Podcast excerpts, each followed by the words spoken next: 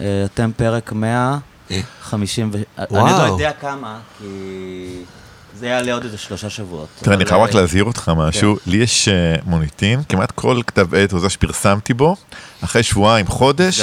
צלל ונסגר. אז אני מאוד מקווה שאני לא אנחיל גם לך את המורשת אה, הדמים הזאת. כמה אה, פעמים זה קרה? מה? שזה מקרה... לא, זה קרה בכל. פעם.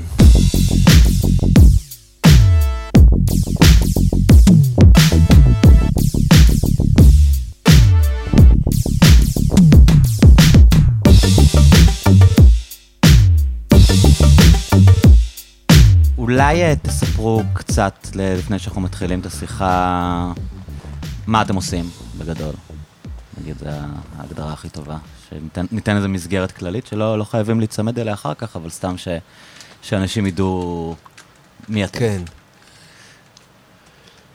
עודד וולקשטיין. באיזה אורך שבא לכם. אולי לא- נספר. עודד וולקשטיין. אה, ספר אחד על השני. אה, מספרים אחד על השני? זה כן. גם רעיון, אוקיי. הוא מין אה, עסקן, עסקן על של ספרות ותרבות. נכון? ידו בכל. כל השקה שאתה, שיש בעיר, כבר הוא, לא, הוא כבר מדבר. לא יקירי, זה כבר... קראתי ספר, דברים. לא קרא את ב- הספר, ברשימת לא חשוב, דברים. לא חשוב. יתרה מזה, הוא, יש השקה עכשיו של המשוררת אה, ניצית בן כהן בקיבוץ אה, יראון בצפון. חצי שאחר כך בת- בתולעת ספרים? הוא נמצא באותו- גם וגם. באותו זמן, ברגע מסוים זה היה כל כך דחוק, שהשקלטתי את היכולת להימצא בכמה השקות בעת ובעונה אחת. אה, אבל ברצינות, והוא איש חשוב מאוד, הוא עורך ספרים, הוא- מתרגם, מהולל, הוא סופר בעצמו, ולאחרונה יצאו שני ספרים שלו בעת ובעונה אחת, שאחד מהם טוב, אני מציין את זה, אחד מהם טוב באמת. לא נגלה איזה. לא, את השני עוד לא קראתי. והוא אה, מנהל בכיר במכון לתרגום ספרות עברית, אחרי שהיה עורך בהוצאת אה, עורך, כתר עורך. ומודן. אה, מה עוד? מרצה. נראה לי שכבר הפלגת והגזמת. ב- לא, זה הכל נכון מאוד. עמרי הוא... אמ, עבורי לעולם יהיה ראש המחלקה לתרבות יצירה והפקה, שאותה ניסיתי במשך שנים ארוכות להחריב, כשעבדתי, בעצם עבדתי אה, תחת אה, ניהולו. אה, עמרי הקים את המחלקה ביחד עם אה, נורית גרץ, אה, וזה באמת... אה, המחלקה היא איפה? בספיר, מכללת ספיר, כן. וזה באמת אה, אחד המקומות אה, השמחים, הפרוצים, אה, המעוררים ביותר שאני לפחות לימדתי בהם, ככל שאפשר להכתיר את מה שאני עושה שם בתואר היומרני הזה. אה, חוץ מזה עמרי הוא מבקר ספרות אה, בהארץ ספרים, נראה לי הוותיק אה, שבמבקרים, אה, ו... אה, המבקרים היחידים שממש, ממש, ממש קורה. זאת אומרת, יש לעומרי איזה מין סגנון שלפעמים יכול להזכיר מין מתינות של תה, תה ערבית, מין מתינות של תה, תה מנחה אחר צהריימי כזה, אבל כשאתה מוריד את ההגנות ונכנע למעטפת הזאת של האנגליות הקצת מנומנמת, אני לא יודע מתי מתי. אתה מדבר באירוניה ומתי ברצינות. לא, לא, אני מדבר, כן? לא, לא, לא אני רוצה יודע. להגיד שמתנוצצת שם יפחת, הסכין. אבל באמת הוא כותב באופן של אה. ניואנסי סב- סבטקסטי כזה, מאוד. אתה- אתה לא נחרץ ו... אני, חושב ש... אני חושב ש... עכשיו ברצינות, כן. כן, עמרי. עמרי, בתוך uh, העולם שנהיה יותר ויותר עולם של מערפות וגרדומים וחיתוכים, עמרי קורא ו- ספרים. ומפתח איזה טווח של, בעיניי, שהוא הטווח של הקריאה, של השעיית שיפוט, שבתוכה אפשר גם להתעניין בספר, לקרוא אותו בכליו ובחוקיו, ו- ולהניח לו להיפרס על פני מאמר של, של Mm. אלף מילה. וזאת איכות נדירה ויקרה יותר ויותר. וואו, אני אף פעם לא מה פרגנתי זה לו הדיבורים ככה. האלה? אני מבועת. כן, לא, אני כבר ממש, אה, זה, אני ממש, אה, טוב, את זה למשל תמחק. שנינו אה, חובבי אימה, כן, ככה, מה? חובבי אימה. חובבי זה אימה. יסוד ה- נכון. החיבור אתה- אתה גם. מתרגמת אימה? זה נכון? כי אני כן, חושב שקראתי בעצם- תרגום שלך לאדגר אלן פו. ל- נכון. כן, בעצם אני יותר, מבחינתי יותר מכל דבר אחר מתרגם, כלומר הניסיון המתמשך שלי זה למצוא בעברית פינה שתתמסר על הברוקיות עטו- עטוית המחלצות של אה, סיפורי אימה, בעיקר גותיקה של המאה ה-19. פה לאבקראפט ו, אה, וחבריהם. אתה ראית את אה, הסדרה כן. שעשו על לאבקראפט עכשיו?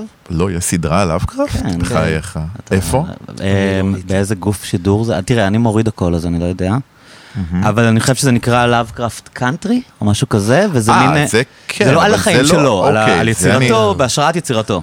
את זה ראית. את זה ראיתי, כן, אוקיי, את זה אוקיי, ראיתי. אוקיי. אה, את זה ראיתי, אני מוטרד מזה שפעם אחר פעם אנשים ניגשים אליי ואומרים לי שאני דומה ללאבקראפט, וזאת לא יכולה להיות אה, מחמאה. אולי תספר מי זה, אבל, כי אה, אנחנו קצת עושים כאן יותר מדי הנחות לגבי כן, ה... לאבקראפט הוא- הוא אמ, אחד מתלמידיו הבולטים של אדגר אלן פה. אמ, מכלול היצירה שלו כבר קיבל מעמד מיתי, במרכזו המפלץ, קת'ולהו. כן. אני מקווה שאני הוגה את זה נכון, יש כן. איזה יוטיוב שמיטב סופרי האימה בני זמננו מנסים להגות. יש שיר של מטאליקה. כן? נכון. אינסטרומנטלי. נכון. נקרא The Call of Cthulhu, ככה אני נכון. נתקלתי בזה כן, לראשונה. את The Call of Cthulhu תרגמתי, כן. את ה- את הספר הספר הראשון שבו זה.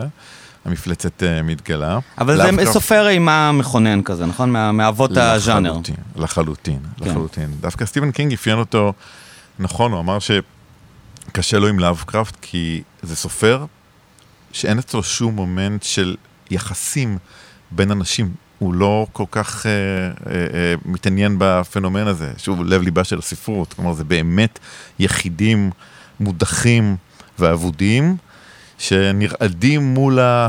לא ידוע, לרוב זה מן כסול הוא, או... האדם מול הטבע, האדם מול היקום. אה, בתצורותיו הדמוניות. כן. כתוב, עקוד לקרקעית הים בעירו הרקובה רליה, ומשם הוא משלח אותות אל מוחותיהם של אומנים, סופרים, משוררים, פסלים, בתקווה לעלות יום אחד מן המצולה, אולי עוד הערב, ולהמיט על האנושות שו- שואה של עושר ודם.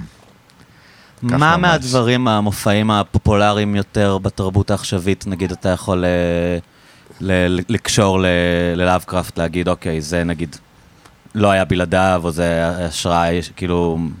כשאני- הסרטי אימה שאנחנו מכירים, שגדלנו עליהם, ג'ייסון ופרדי קרוגר ודברים כאלה, הם, הם נגיד קשורים ל- לעולם של לאבקראפט? ככה, בכנות ככה, ככה. כן. אצל לאבקראפט זה יותר איזה, איזה רטט, איזה מחלה קודחת מול, ה, מול הנשגב הגותי, באמת מול ה... אה, אתה יודע, הוא מתאר, למשל, אנשים שמתהלכים בתוך אה, אה, מה שהוא ממש מתאר כגיאומטריות לא אוקלידיות.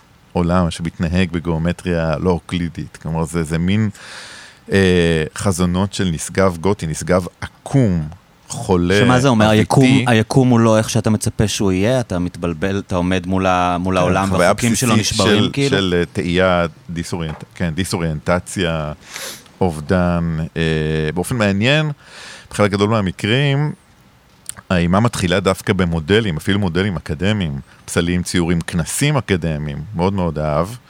כלומר, הרבה פעמים הניסיונות של האנושות למדל את המוחלט, לתת בו סימנים, למסכל אותו, לתפוס אותו, הופכים להיות המקור, מקור הנביאה של הרוע. כלומר, המודל, לא רק שהוא לא עושה את מה שמודל אמור אולי לעשות, תיתן דוגמה אמ, יותר אה, אה, קונקרטית, כאילו. ב- בקריאתו של קטול הוא, זה מתחיל בפסלון, בצלם, ובכנס אקדמי, שנערך כדי לעמוד על מקורותיו של הפסל, לחקור את טיבו, ומשם אנשים יוצאים עלומים, משוגעים, רדופים, טרופים וכולי וכולי. כלומר, אה, אם אה, לחשוב על, על לייפטרט מונחים, יש איזו סצנה בוורטיגו, כן. שהיא רוצה לעזור לג'יימס סטיוארט להיגמל מפחד הגבהים שלו. אז היא אומרת לו, תעמוד על כיסא.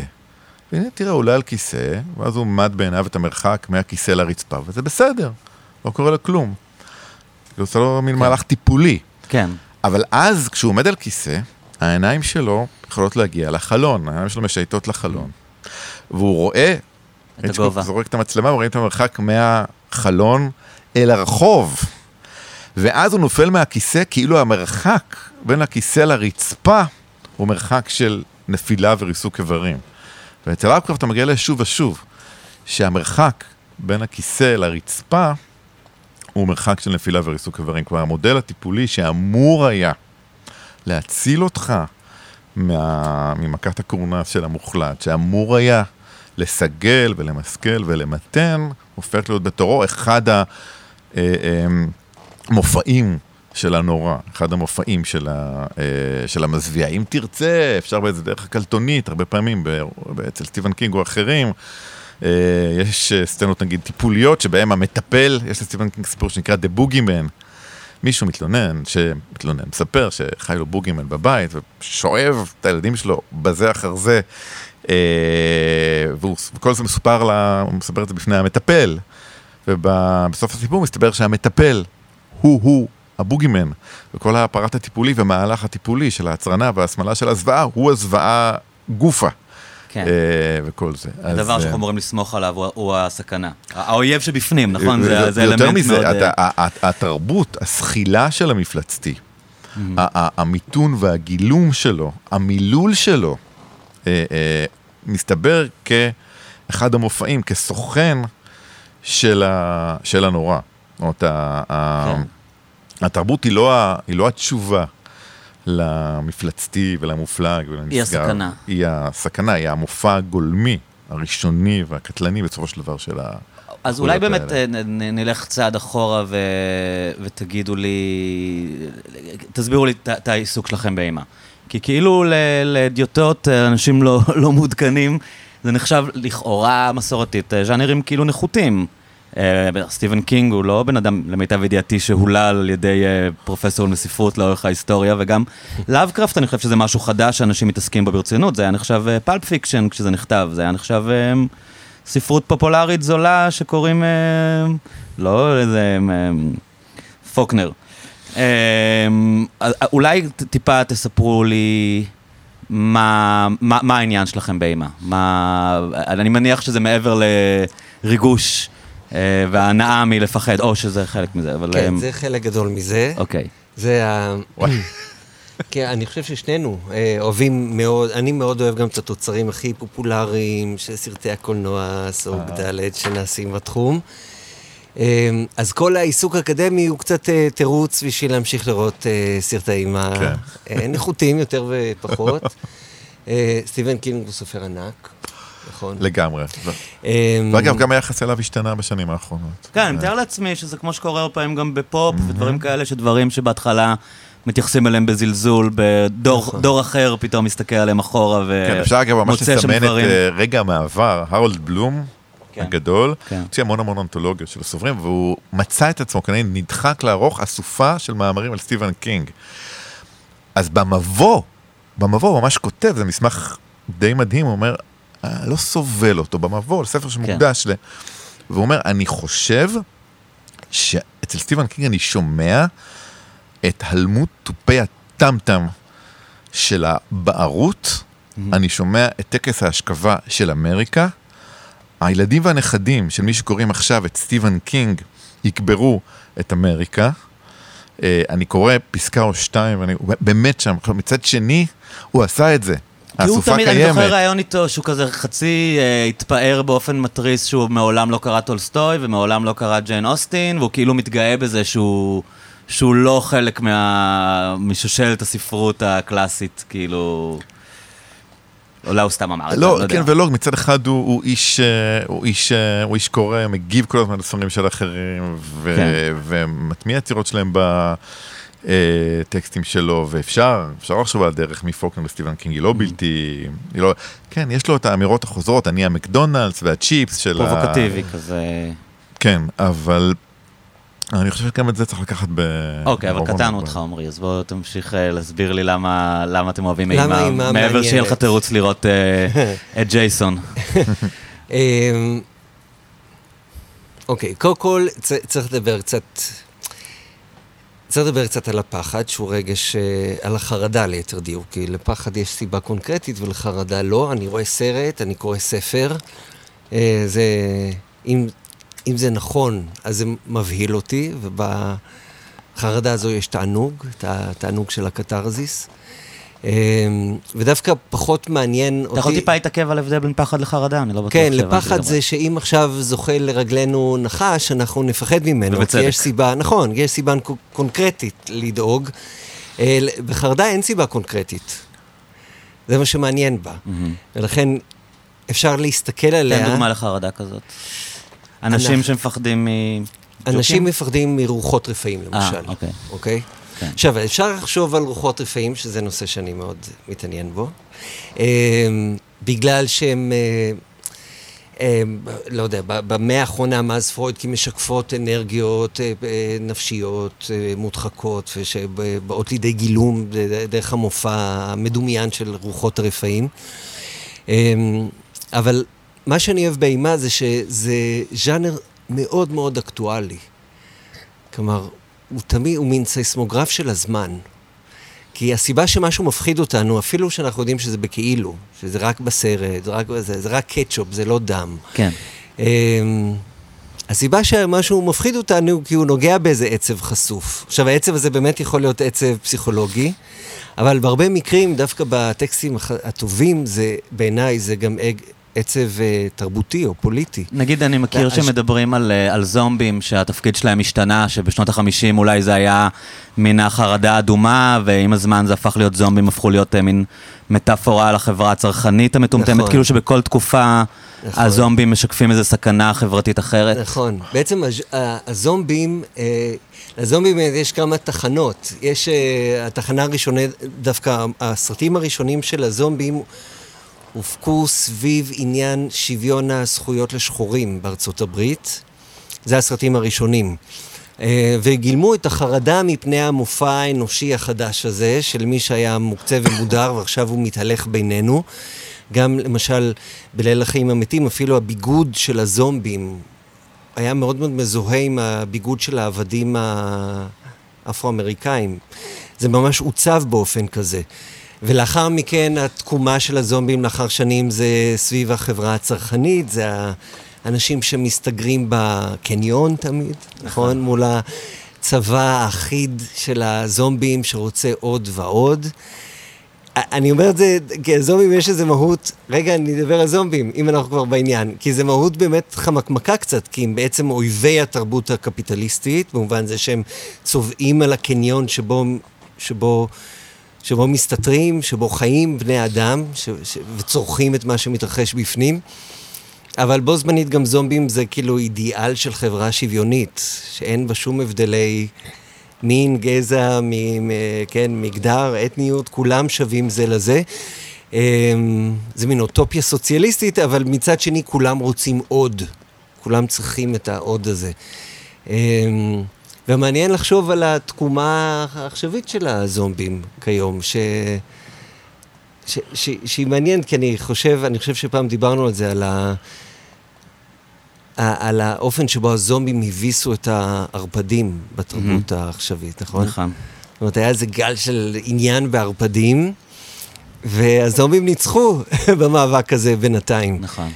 וזה מעניין לחשוב מה כל אחת משתי הדוגמות האלה של ערפד מול הזומבי, כי זה ממש, בהקשר אפילו המסחרי של התרבות הפופולרי, זה, זה הקרב, כן? הסרט על הערפדים, או הסדרה על הערפדים, הוא לא סדרה על ערפד הזומבים. מלכתחילה אתה חושב על משהו ישן, לא? אתה חושב על, על, על, על רוזן, על דרקולה, על משהו במאה, לא יודע, ה-19, אתה כאילו לא נכון. חושב על ערפד בתור מישהו, אה, למרות- אה, אבל היה בעצם את כל הדמדומים ו- וכל נכון, החדשים המודרניים. נכון. זה שהתחיל עם רעיון עם ערפד בעצם. נכון, נכון. אוקיי, זה, אז מה קרה? הייתה התקומה, כן. אני חושב, אם, אנחנו עושים את ההבחנה הבסיסית, אז יש, בערפד יש איזו מהות אליטיסטית. כן. כן, הוא לא בא אליך, אתה בא אליו. יש שם איזה משהו, אה, הוא חי בטירה שלו, כן. הוא לא אוהב את אור השמש. יש שם, הוא תמיד מעודן ומשוכלל. והזומבים זה כאילו, קודם כל זה ציבור שבא אליך, זה ציבור ראוותני וחסר תודעה, אה, שנע כגוף אחד בעצם, משוטט ברחובות.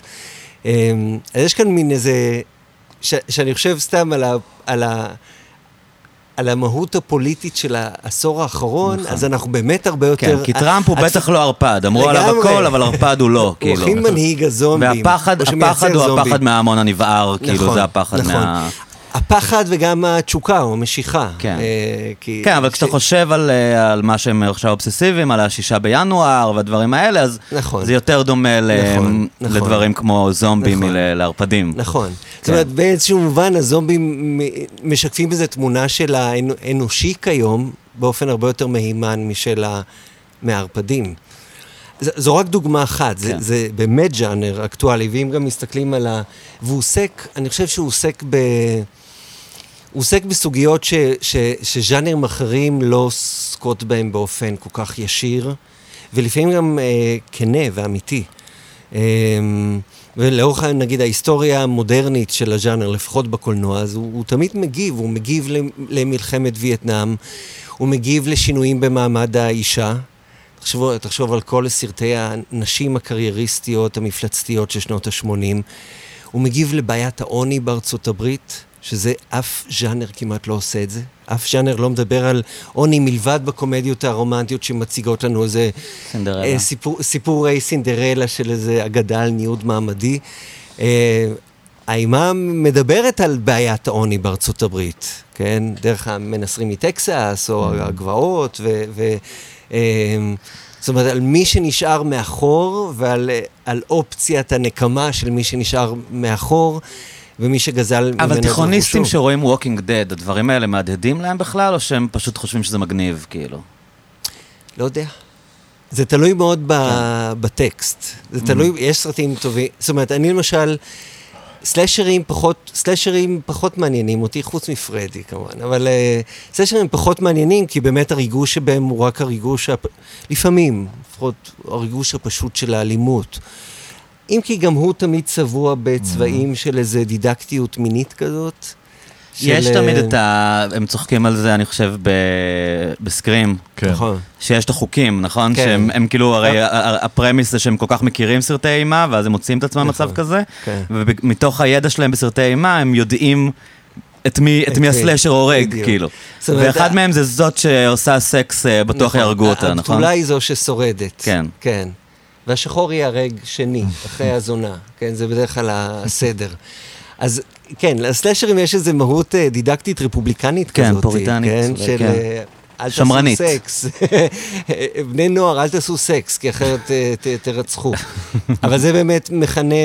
אז, אז זה באמת, זה העניין של הסלאשרים, אבל... אבל במופעים טובים של האימה, זה, זה, זה מעורר מחשבה. למשל, אה, אה, שאני חושב על אס, או על הסרטים של אה, פייל. כן. כן. מה זה? אני לא בטוח שאני מכיר. אה, תברח. כן, אה, תברח. ואז אס, כן. אה, שזה מאוד מתעסק נכון, במתחים שחורים לבנים. נכון, או דלתורו. וגם הקנדימן החדש שהוא עשה, זה מאוד מתעסק ביחסים שחורים. איך קוראים לו? ג'ורדן? ג'ורדן פיל. ג'ורדן פיל, כן. נכון, נכון. אמ, או אפילו גרמו דל טורו, או אחרים שעושים סרטי, או גם אפילו אה, כאילו one hit wonders כאלה, שעושים סרטים שאתה, שהאפקט המבהיל בהם הוא לא האפקט של הקטשופ, אלא שיש משהו שנוגע בך ומרעיד אותך, משום שהוא באמת מדבר עם איזו חרדה שהיא אישית או קולקטיבית. אמ, תחשוב על, אני חושב על כמות הסרטי, סרטי אימה שעוסקים באימהות, או, ב, או בילדות, ובילדים מפלצתיים או באימהות מפלצתיות, זו תמה מאוד מאוד מרכזית כן. שמה. אז uh, במקרה הזה זה באמת משנה. תינוקה של רוזמרי נגיד. למשל, הארכיטיפ, נכון, כן. נכון, או מאמה, שראינו ביחד. שראינו ביחד. כן. Um, זה סרטים שמדברים על, uh, על, על מה זה אימהות טובה ומה זה אימהות רעה, ואיזה סוג של יחסים מותרים בין ילדים להוריהם, ואיזה יחסים נחשבים אסורים, על אף שהם מתקיימים בסתר. כאילו, אה, זו דוגמה טובה, משום שנגיד ש... אני חושב שהורים, אני חושב, לא בטוח, אבל נדמה לי שהורים שואלים את עצמם שאלות שעולות בסרטי אימה ושלא יכולות לעלות בשום ז'אנר אחר. הם שואלים את עצמם, אני... האם אני הורה טוב? האם הילד שלי הוא ילד טוב? האם אני מפחד מהילד שלי? האם אני מזיק לילד שלי?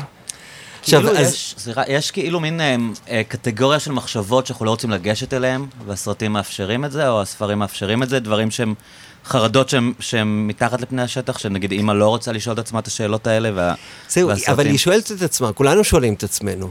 את השאלות האלה, בתוך היום-יום למשל המשפחתי. יש לנו את ה... זה, זה חלק מהרפרטואר הרגשי שלנו, אבל זה כאילו זה לא מוצא ביטוי בשום אפיק תרבותי כמעט. כי למשל, להיות הורה זה מסע קסום של הגשמה עצמית, ואהבה היא תמיד ללא תנאים, כל השקרים האלה.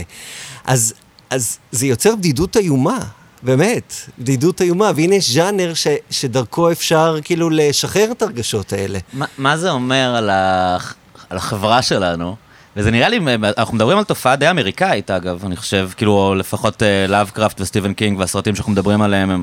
זה אולי לא מקרי שזה הכל, למרות שכל התרבות שלנו היא אמריקאית, אז זה קשה לבד. אבל... זה פחות ישראלי, כן. אני חושב שזה גם, זאת אומרת, זה, זה לא רק אז זהו, זה, הש, השאלה שלי בעצם, אם זה, אם, אה, הרי בסוף אתם מדברים על הדחקה, אני חושב, יש כאן עניין מאוד רציני של, של פשוט דברים שהם לא מטופלים, כאילו למה אנחנו צריכים נכון.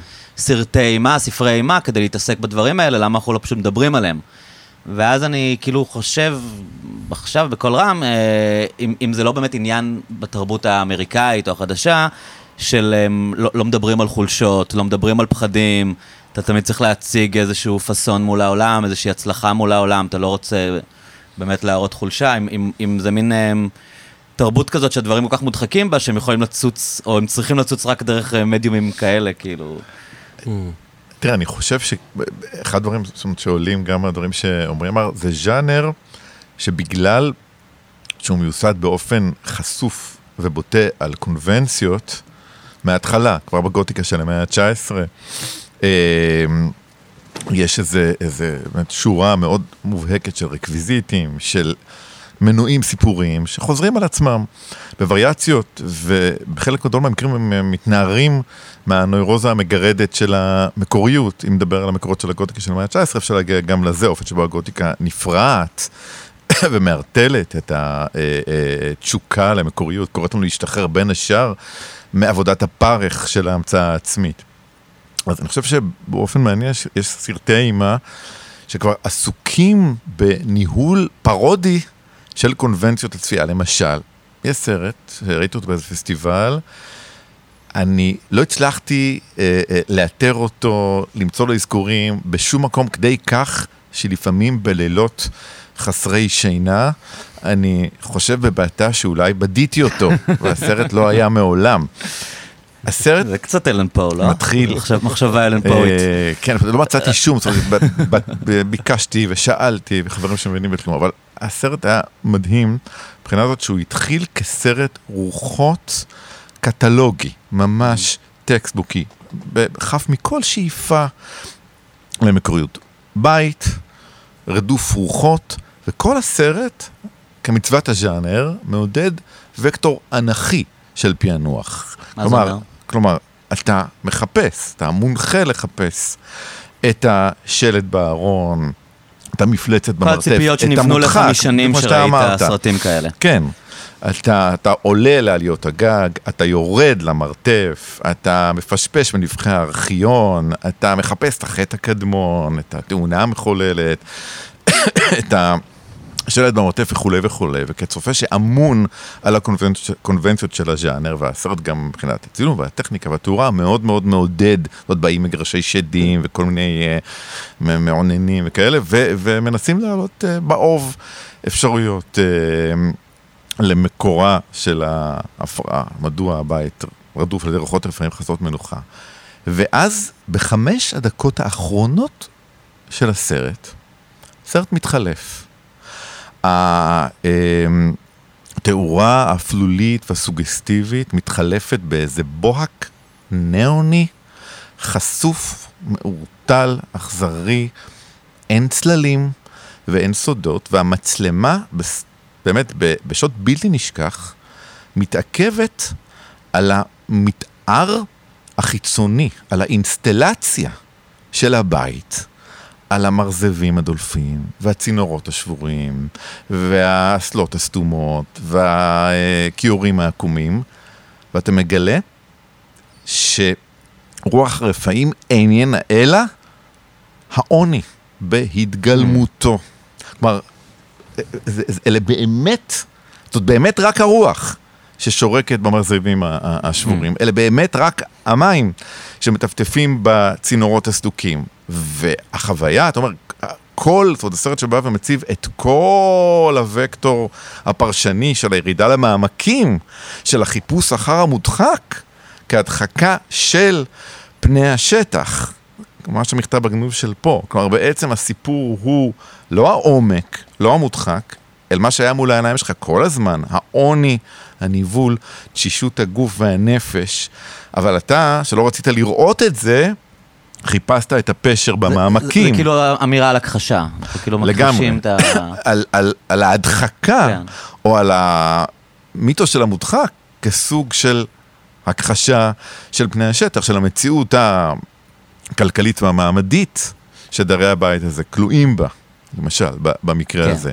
זו דוגמה אחת. דוגמה שנייה, דומה מבחינות מסוימות, סופר אנגלי, ליברפולי, מסוג הסופרים שאתה הולך בחנויות ספרים בלונדון, אתה לא מוצא את הספרים שלהם, סופרים שהם כמעט, שיש להם קהילות מקומיות, סופרים של 500 עותקים ב-1,000 עותקים. סיפור על אה, אדם שעושה מחקר באינטרנט, הוא מנסה להתחקות אחר ההיסטוריה של קומיקאי, שהיה פשוט מצחיק מדי. מצחיק מכדי להיכלל בתולדות הקומדיה. יותר מצחיק מצ'פלין, יותר מצחיק מקיטון. אנשים ראו... מישהו כזה משנות ה-20? כן, כן, כן. אנשים ראו וצחקו למוות. אנשים ראו והתפרקו. הצחוק שלו היה ממאיר, היה מסרטן, מפרק, קטלני. אה, מתפשט, מדבק, מתרשת כזה. עכשיו, כל הסרט הוא עבודת כל הספר, הוא עבודת מחקר שהוא עושה באינטרנט. בסוף אנחנו מגלים שהאינטרנט, ספר, ספר נכתב בהתחלה של האינטרנט, שהרשת היא בעצם סוג של מניפסטציה חומרית של הצחוק של אותו קומיקאי, או של הצחוק שהוא עורר. בעצם הרשת היא הגילום של הצחוק המתפשט, המסרטן, המדבק הזה, והחוקר שלנו נמצא במצב שבו הוא מגלה שמדיום החקירה ואובייקט החקירה מתלכדים לדבר אחד. זאת אומרת, הוא לא יכול להמשיך לחקור, הוא מתמוטט, משום שהוא מגלה שהמדיום של החקירה הרשת היא-היא הדבר שאותו הוא חיפש כל הזמן. אה, אז עומרי אמר שה- שהאמת הז'אנר הזה מגיב, אז זה גם תגובה ראשונית, חריפה, פרנואידית. לעולם של הרשת. אז ג'יימסון יכול לכתוב אלף מאמרים על עולם גלובלי, מרושת, שאין לו התחלה ואין לו סוף. אנחנו מש- משוטטים בו כעיוורים בניסיון לתת בו סימנים, לחלץ ממנו סיפורים, להתמצא וכולי וכולי. אבל שם ממש, תחשוב על האינטרנט בתור צחוק מתגלגל, הולך ומתפשט, שכולנו אה, לכודים במסדרונותיו האינסופיים.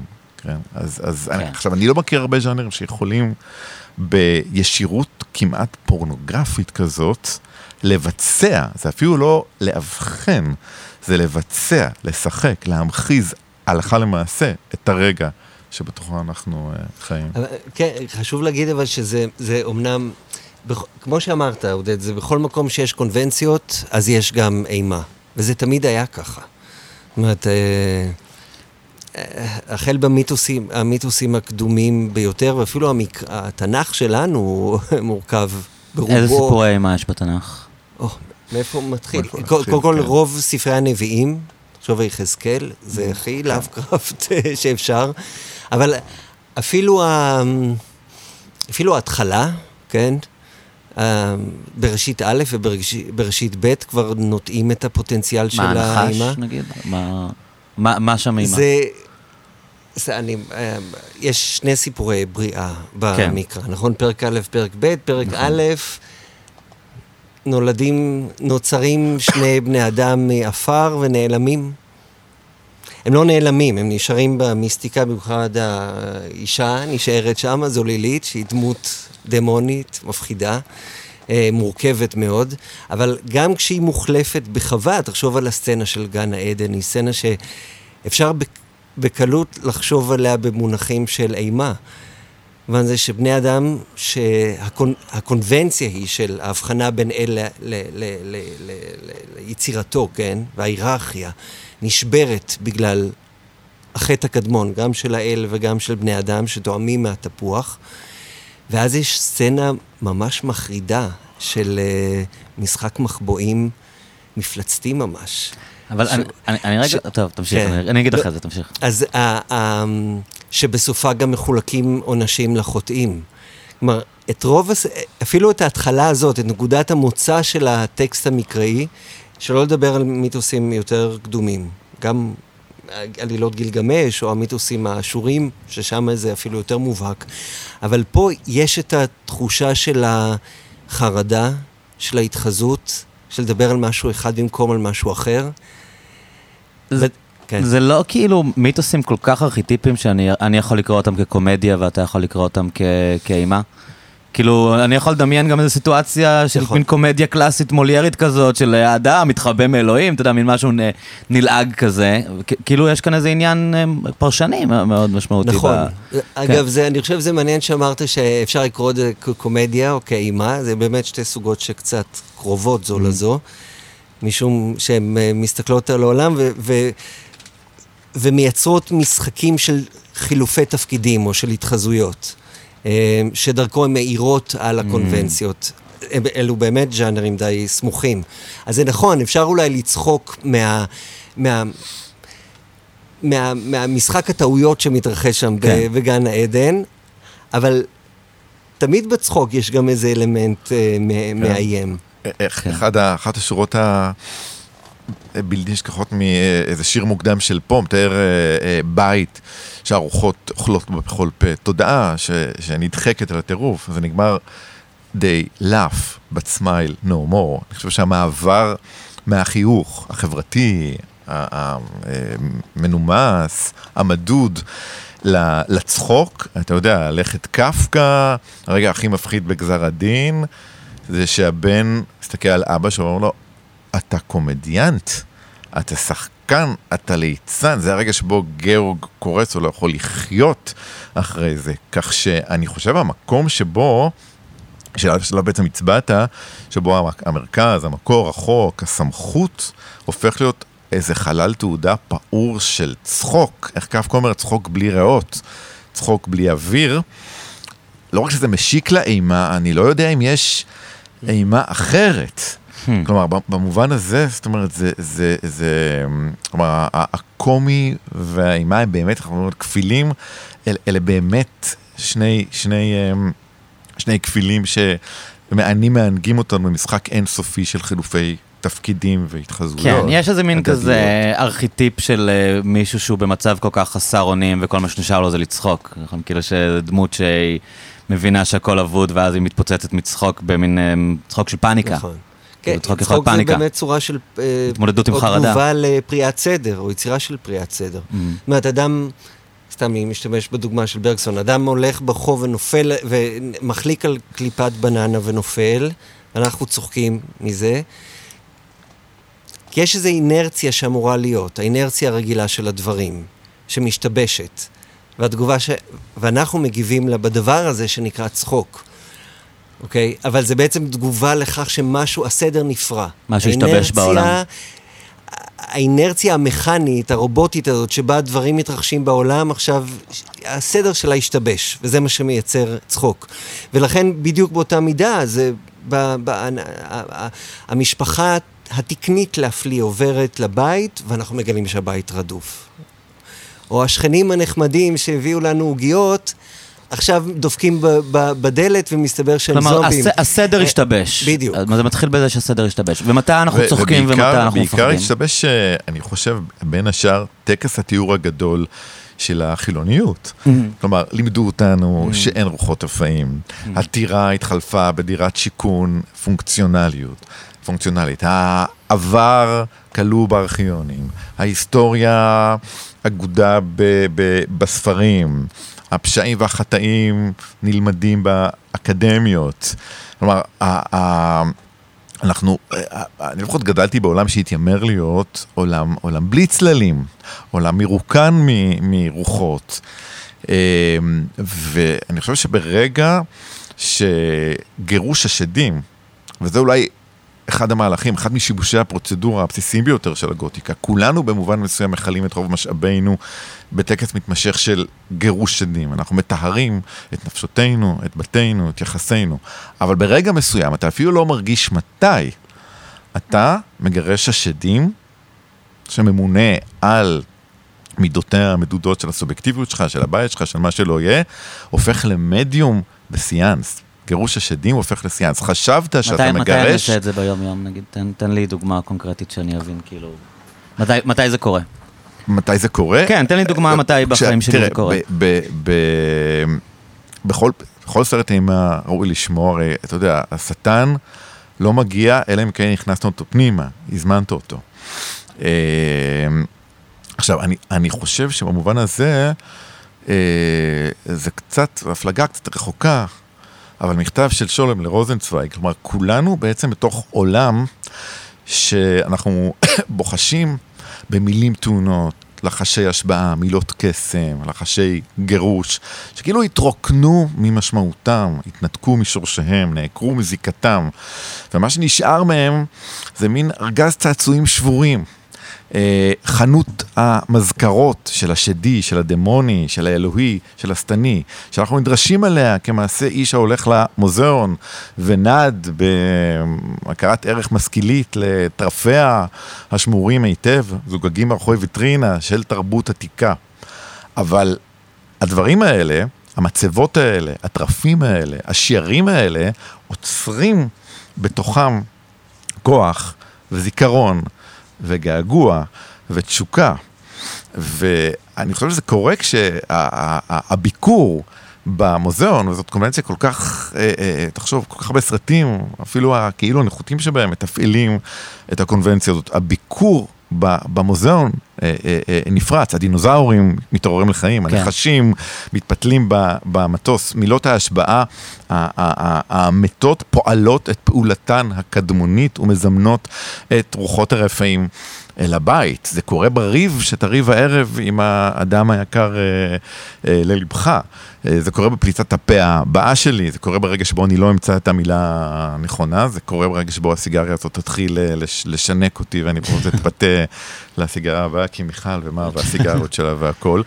אה, אז, אז, אז אני חושב שבמובן הזה, בעיניי, הסיפור, סיפור לא כל כך ידוע של סטיבן קינג, 1408 הוא פרדיגמטי.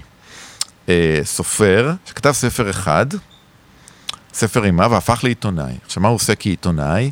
הוא עובר מאתר רוחות כזה מועד, פולקלורי כזה, אחד לשני, לן לילה, במלון הרדוף, אומר את המילים הנכונות, חכה, שום דבר לא קורה, ואז הוא כותב איזה טור מלעיג פרודי בעיתון שלו, הייתי, אמרתי, אה, ביליתי לילה ארוך משועמם באתר אה, תיירותי שמסמא את עיניהם של אה, טיפשים.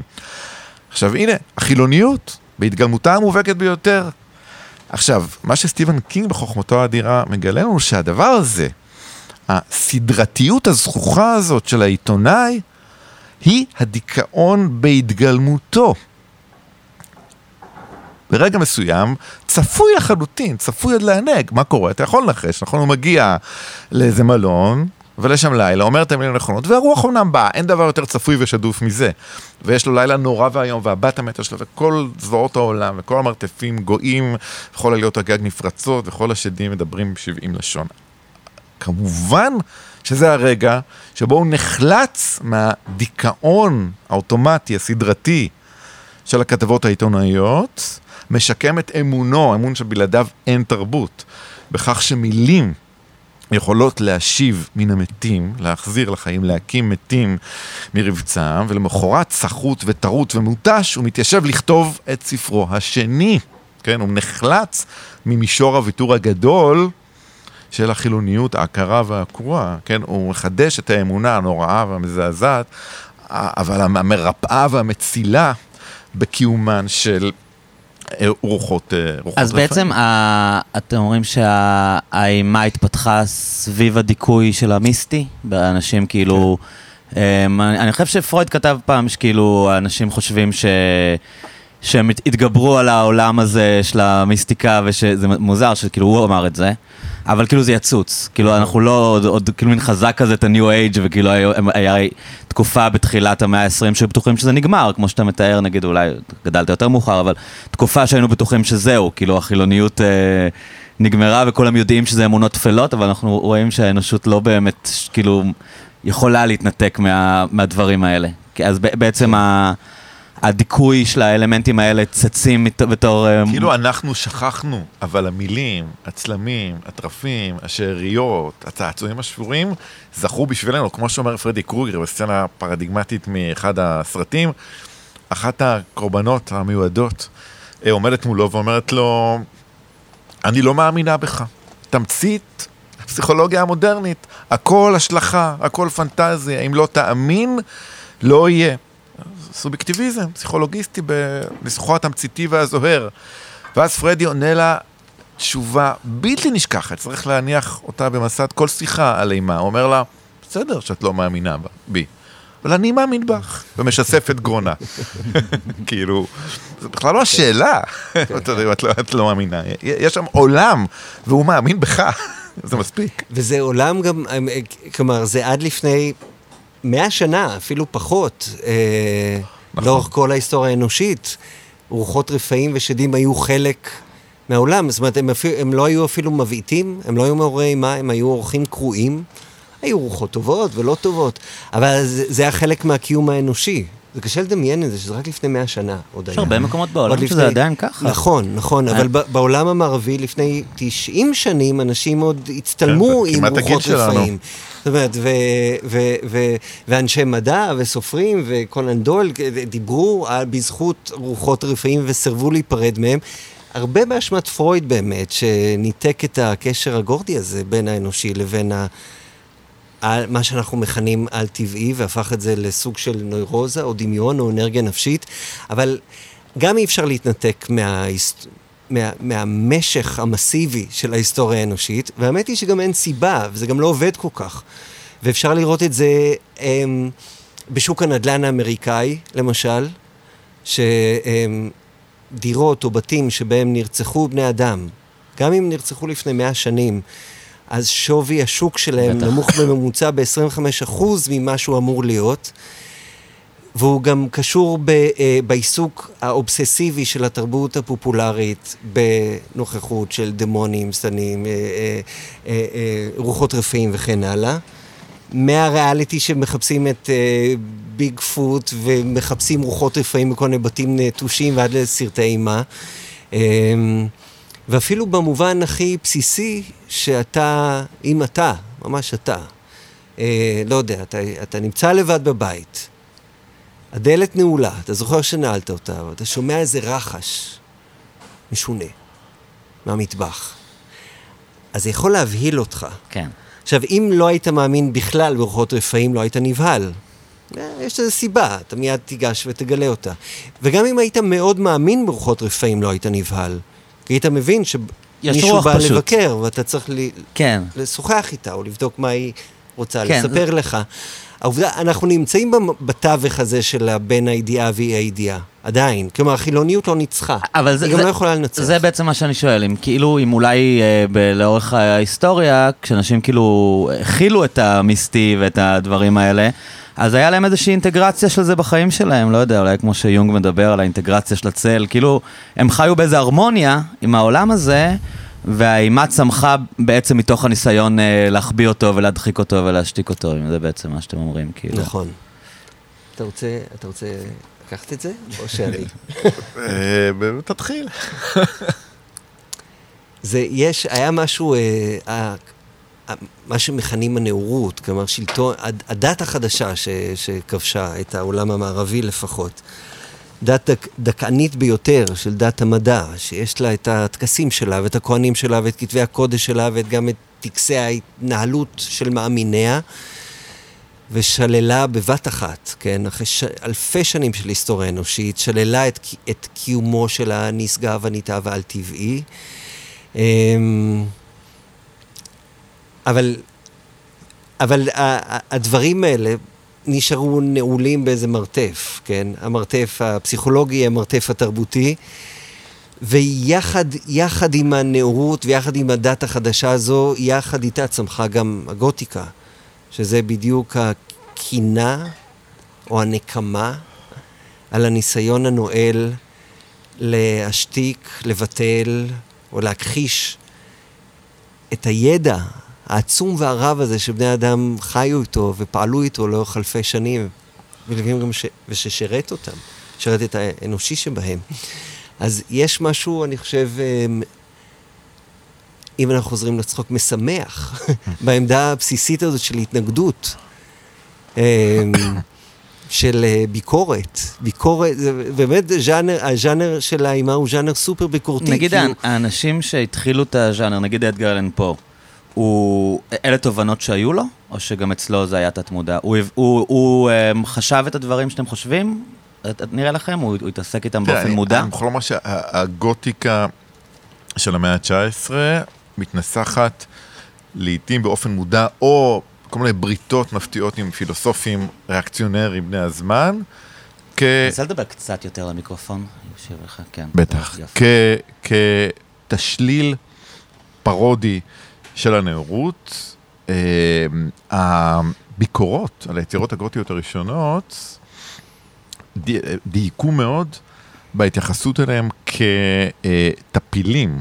כלומר, אחת הבעיות העיקריות של המבקרים עם מרי שלי וכל החבורה הזאת, הייתה שהם מתקיימים על גבולם של העיירות שלנו, הם לא מקימים בתים משל עצמם, הם חיים על אה, פסולת הייצור, על ההפרשות שלנו, הם ממחזרים את הנוסחים המובילים, אבל אה, מתוך עמדה לקחנית, אה, טפילית, לא יצרנית ולא מפרה.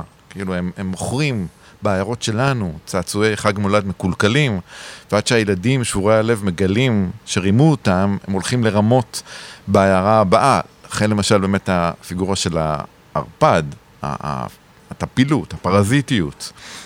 עכשיו, במובן מסוים זה מתחיל כמהלך של אנשים צעירים מאוד. מרי שלי כותבת בגיל 16-17 את פרנקנשטיין. באמת? כן, שמקבלים מההורים שלהם, במקרה שלה ההורים שלהם פחות או יותר, זאת אומרת, אם היה בכל אנגליה בית שבו הילדה התבקשה, מה זה התבקשה? הצטוותה להניח מאחור את המורשת ואת המסורת ואת הזיכרון ואת ההשפעות ואת ההתניות, להינתק מן הקולות הזרים, לטהר את המרחב מרעשי הלוואי וקולות הרקע. ולצלל קול משל עצמה, לרעום בקולה הבתולי של המקוריות ולהיות היא עצמה, הרי זה בית משפחת שלי. והחבר'ה האלה מודיעים לעולם בצורה די גלויה, חברים, האמא, אבא, לא סתם חברים, החלום שלכם הוא הסיוט שלנו. המילה אני, באותו זמן המילה הנחגגת ביותר במילון התרבותי, נתקעת לנו בגרון. מהמעבדות שלנו לא יוצאים אה, עניים, מכותבים לראווה ומחוננים לתלפיות, יוצאות מפלצות רצחניות. הניסוי שלכם, הניסוי המוצלח ביותר של המאה, שורף את המעבדה, מחסל את הלבורנטים ומשחרר לחלל העולם מפלצות צמאות דם. אז בעצם ה- השכלתנות הזאת והקדמה הזאת בעצם אמ, יוצרת מין מדע בדיוני אפל כזה של מייצרים את פרנקנשטיין, זה מין אה, פחד מה, מהקדמה? תראה, מה... הנבל האמיתי בסיפור פרנקנשטיין כן, הוא לא המפלצת. היצור, כן. בשום אופן לא היצור. היצור, זאת לא שיחה על פרנקנשטיין, אבל במילה וחצי, היצור הוא איזה מין תצוגה פלסטית, חשופת תפרים, מדממת, של ההיסטוריה המבישה, של גיליון המחלה המחפיר, של הסדנה המסריחה של המצאת האני. ממה הוא עשוי? הוא עשוי משלל הגרדומים והקברים וחדרי הניתוח. הוא הכירורגיה של התקנת האני בהתגלמותה הפלסטית החשופה והלא מתנצלת.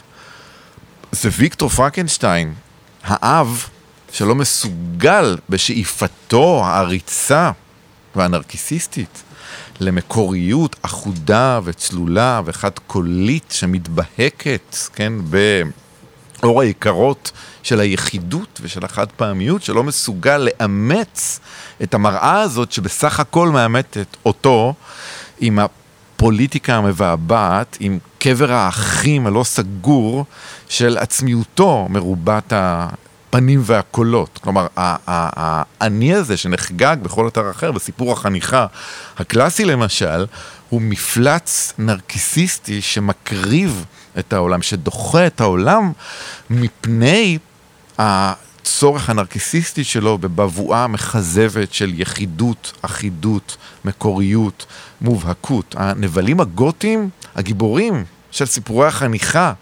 שרועטים בכביש הראשי, דיקנס לצורך העניין, הם הנבלים הגותיים בסיפורים של מרי שלי וחבריה.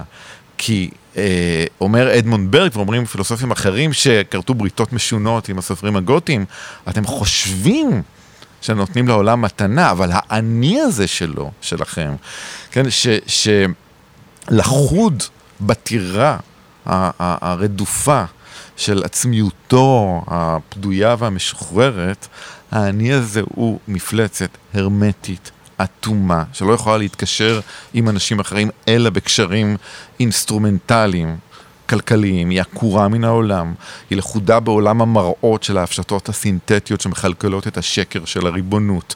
אדמונד, אה, לא אדמונד ברק, צ'סטרטון, ברגע מאוד יפה, במבוא לאורתודוקסיה, מספר שהוא יוצא עם המו"ל שלו לפארק, והם רואים איזה בחור טרזן ככה שהולך בצעד קל וגאה, חוצה את הפארק, והמו"ל מצביע עליו ואומר, אך, זה בן אדם שיצליח. צ'סטרטון אומר לו, למה? אז המו"ל אומר, כי זה בן אדם שמאמין בעצמו. צ'סטרטון אומר לו, אמרת עכשיו אולי את המילים האיומות ביותר בעולם. אוי לו לאדם המאמין בעצמו. כי יחוג במעגלים המאיצים, המסתחררים לריק של האמונה בעצמו. מי הוא האיש המאמין בעצמו? במי הוא מאמין? אה, בזה שמאמין בעצמו. ומה זה עצמו? זה אה, זה שמאמין בעצמו, כן, מעגל אינסופי, סחרחר וריק, אבוד ורעב של רפלקסיה, הכרה שאין ממנה מוצא. אומר, השיגעון אורב כפסע מן המסיבה שלכם, בתי המשוגעים מלאים באנשים שמאמינים בעצמם. החסד הגדול ביותר שאתה יכול לעשות לנוירוזה הנוראה התוצאה של האמונה בעצמך זה לפתוח חלון, לתת לרוח הפרצים של העולם להרעיש ולהרעיד את המודל הסינתטי של החירות ושל הריבונות ולהניח לאיש המאמין בעצמו את הפלא האנושי של להאמין במשהו שמחוץ לעצמך. אלוהים, סיגריה, אומר הרצוג, לא משנה. אבל אוי, והמו"ל כמובן לא מבין, זאת כבר אגדה, וצ'סטרטון אומר לו, חכה שנייה, חוזר הביתה, ובן לילה מעמיד את uh, הספר הבקרס uh, אורתודוקסה כמין תשובה מורחבת למו"ל. אבל כן, זה באמת אנשים שהקדימו לחזות את הפוטנציאל המסויט בבשורת השחרור והחירות, כן? במובן הזה, בקצה השני של הסקאלה, גם הזומבים, כן, אלה, זה פסולת הייצור של המפעל להנפקת אנשים המאמינים בעצמם, כן, הנוירוזה שכולנו עדיין מתגרדים בפריחה שלה עד עצם היום הזה. כן, זה, זה... אני לא, אני לא יודע אם אני ממשיך אותך או מתרגם אותך. מה שאמרת. אבל זה, um, כי אפשר לחשוב על האימה בתור, וגם כדאי לחשוב על האימה בתור איזה גילום כמעט תיאורטי של הפוסט-מודרניזם, או פוסט-סטרוקטורליזם. Mm-hmm. כלומר, אם, ה, אם הנאורות, נאורות או המודרניזם בכלל הבטיח לנו שבכוח תבונתנו אנחנו נבין את העולם, נדע את כל הסודות, ואם לא עכשיו, אז בעתיד. אנחנו נפצח את כל החידות, כן. וגם נדע לנהל את העולם על, על סמך ההבנה הזו, ולשם כך אנחנו מקימים מבני ידע, כן? אנחנו יודעים מה זה... מה זה האני, כן, ומה זה משפחה, ומה זה לאום, ומה זה מגדר, ומה זה, ו, ומה זה מוסר. זאת אומרת, אנחנו חיים בתוך מבנה הידע האלה. יש תשובה תבונית ו... להכל. בדיוק. והאימה היא בדיוק היסוד הטפילי הזה שסודק אותם. אנחנו לא חיים בתוך אימה, גם אם אנחנו מאוד אוהבים סרטי אימה, אנחנו לא חיים את החיים האלה. אבל ניתנת לנו ההזדמנות או הזכות או קללה ל- ל- לשחק או לחוות את הסדק שיש במבנים הכבירים האלה. וזה בדיוק המהות של המחשבה הפוסט-מודרנית והאתיקה שלה. שאם אנחנו נאמין במבנים האלה בכל מאודנו, זה ההיסטוריה מראה לנו שאנחנו נתחיל לרצוח אחד את השני, או נתחיל לרצוח את מי שלא מאמין בדיוק בהם כמונו.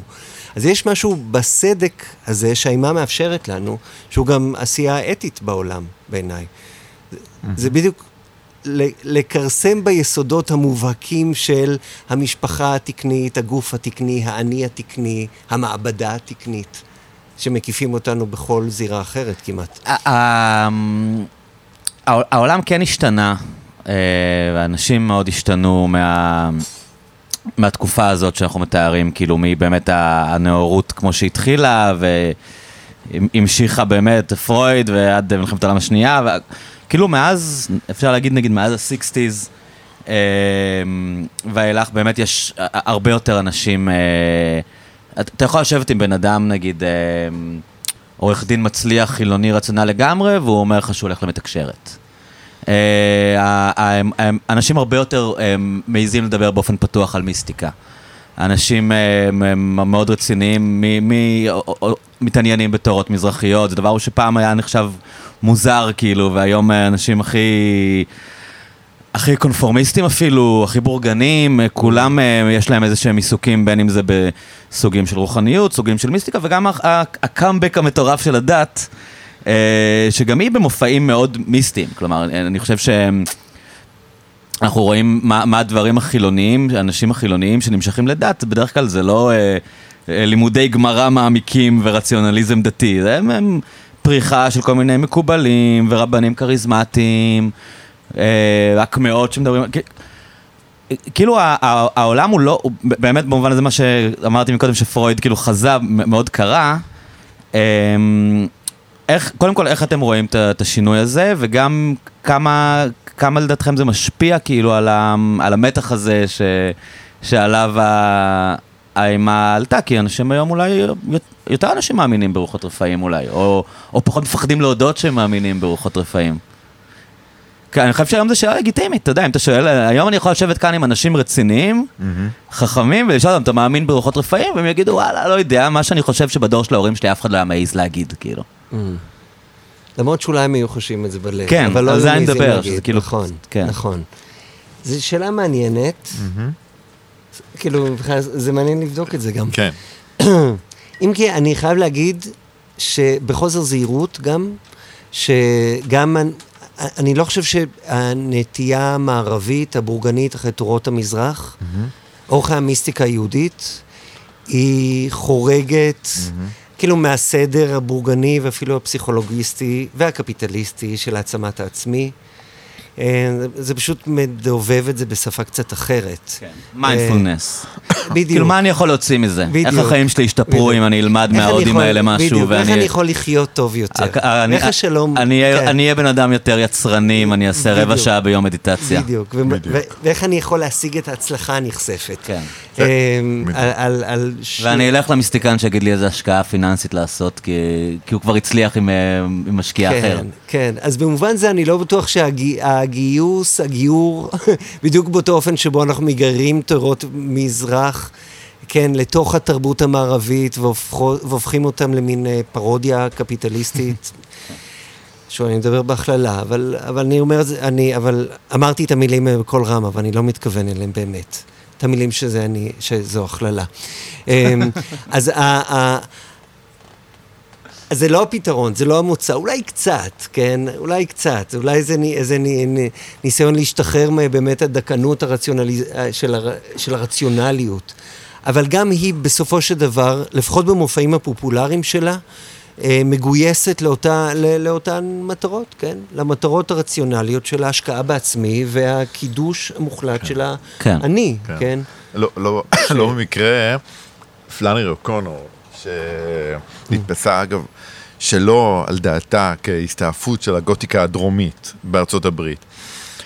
אה, מגיבה לאמריקה כאילו אמריקה דתית, אבל מה שהיא רואה זאת אה, סינתזה מנוחמדת של אה, דת, לאומיות וקפיטליזם, והיא כותבת, היא כותבת במפורש, חסד אלוהי לא יכול להיות שמיכה חשמלית שמחמה את גופך בלילות החורף המתארחים. חסד אלוהי בטבעו הוא דבר קשה וקשוח וקר, ולא במקרה כל הסיפורים שלה שנתפסו לכל אורך חייה ועד עכשיו כסיפורי אימה, כשהיא שבה ואמרה, לא, אלה לא סיפורי אימה, אלא של, אלה סיפורים שבודקים שאלה אחת ויחידה, אפשרותו של האלוהי בעולם שהאלוהי אפס מליבו ומשפתיו.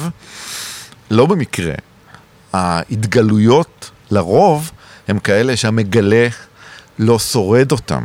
כלומר, אלוהים אצל אוקונור לא נוקש בנימוס בדלת ומחכה שיזמינו אותו להיכנס, כי אוקונור יודעת שתנאי הכניסה יהיו כאלה שיהפכו את אלוהים לאיזה אטריבוט אה, חברתי, לאיזה מפגש אה, של יום א' בכנסייה, לאיזה איזה גיוון מעורר של היום-יום, כן? אז אני גם... זה.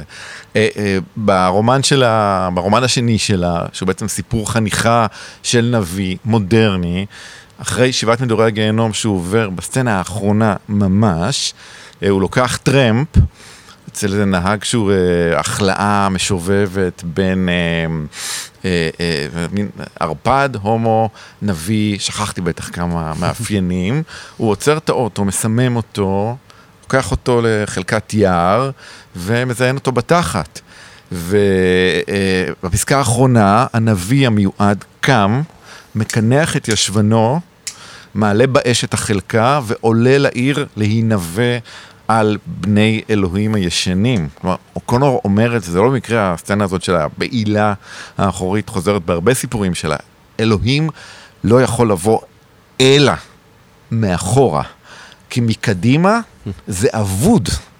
כלומר, דווקא כי אלה, אלה כבר לא חומות, אלה גינונים מסרסים ומשככים ומוהלים של סיפוח, הטמעה. אה, התרחבות, כן, בטח. אה, אני איש עסקים, אבל אני גם אה, הולך לכנסייה. הולך לכנסייה. כלומר, ואני היא... מתנגד להפלות, למרות שאני שולח את המאהבות שלי לעשות הפלה כל הזמן. נניח, כן, כן. זה בכלל לא שאלה. כלומר, אם זה בא מקדימה, יש לי איזה רגע שאומרת על מישהי, היא פתחה את החלון, השקיפה החוצה, וראתה שם את האופי שלה. פשוט לא עצים ולא שדות ולא אבנים ולא שמיים, כן? את האופי שלה, את עצמה. זאת אומרת, אי אפשר לסדוק את המראה הזאת במשא ומתן מושכל. זה לא יכול להיות עוד דוכן ביריד. זאת חייבת להיות שריפה ביריד. אלוהים לא יכול לבוא אלא בדמותו של אנס אצלו, כלומר כל ההתגלויות שלהם צורות כאלו או אחרות של מעשי אונס. זה, זה, זה, כלומר, mm. זה, זאת אומרת, הקונסטיטוציה של הבחירה החופשית חייבת להישרף ולהיבקע כדי שמשהו בכלל ייכנס פנימה. כי החירות היא אמצעי הבידוד, האיתום והסיגור של האני. החירות, הבחירה, ההכרה, אפילו האמונה צריכה למות. כדי שאלוהי ייכנס. אז איך אתם רואים, אה, זו שאלה שחורגת מתחום העיסוק שלכם, אה, את הדת כמופע של שמרנות היום, אה, באמת עכשיו מאוד חם בגלל הביטול של רואו נגד וייד, אבל גם ביבי התחיל להגיד בעזרת השם כל הזמן, וה, והימין הישראלי מאוד אימץ לעצמו כאסטרטגיה. אנחנו היהודים, אנחנו, אצלנו מאמינים באלוהים, אצלנו, אני זוכר שאחד מהם אמר, לא זוכר איזה חבר כנסת בליכוד אמר, אצלנו מקובל להגיד בעזרת השם. כאילו יש איזה מין אה, עניין כזה של כאילו שימוש, אחיזה בדת, שמאוד חזקה באמת אצל הרפובליקנים בארצות הברית ואצל הימנים בארץ, שחלקם אנחנו יודעים שהם אנשים חילונים, אתאיסטים גמורים. כאילו נתניהו כזה והרבה מההנהגה של הליכוד כזאת. אמ, משפניות הרשת שמטיפות לנידה. כן. כן, הכל טוב. הקאמבק, הקאמבק של הדת בתצורה הזאת, כאילו, איך אתם אה, רואים את הדבר הזה? אם חשבתם על זה בכלל, או אם בא לכם אה, לחשוב בקול רם. זה אולי תשובה קצת אה, גסה, אבל כיוון זה ש...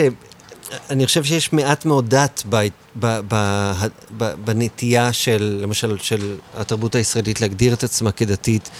אמ, במובן שזה, הדת הופכת להיות איזה גורם אה, פרוצדורלי מאחד, אומרים בעזרת השם, מנשקים את המזוזה, עושים נידה, אה, מדברים על זה הרבה, אה, מנטרלים קצת את הצד, גם את הצד, את הצד הלימודי, את הצד הפלפולי והפולמוסי, שטבוע במיוחד בדת היהודית.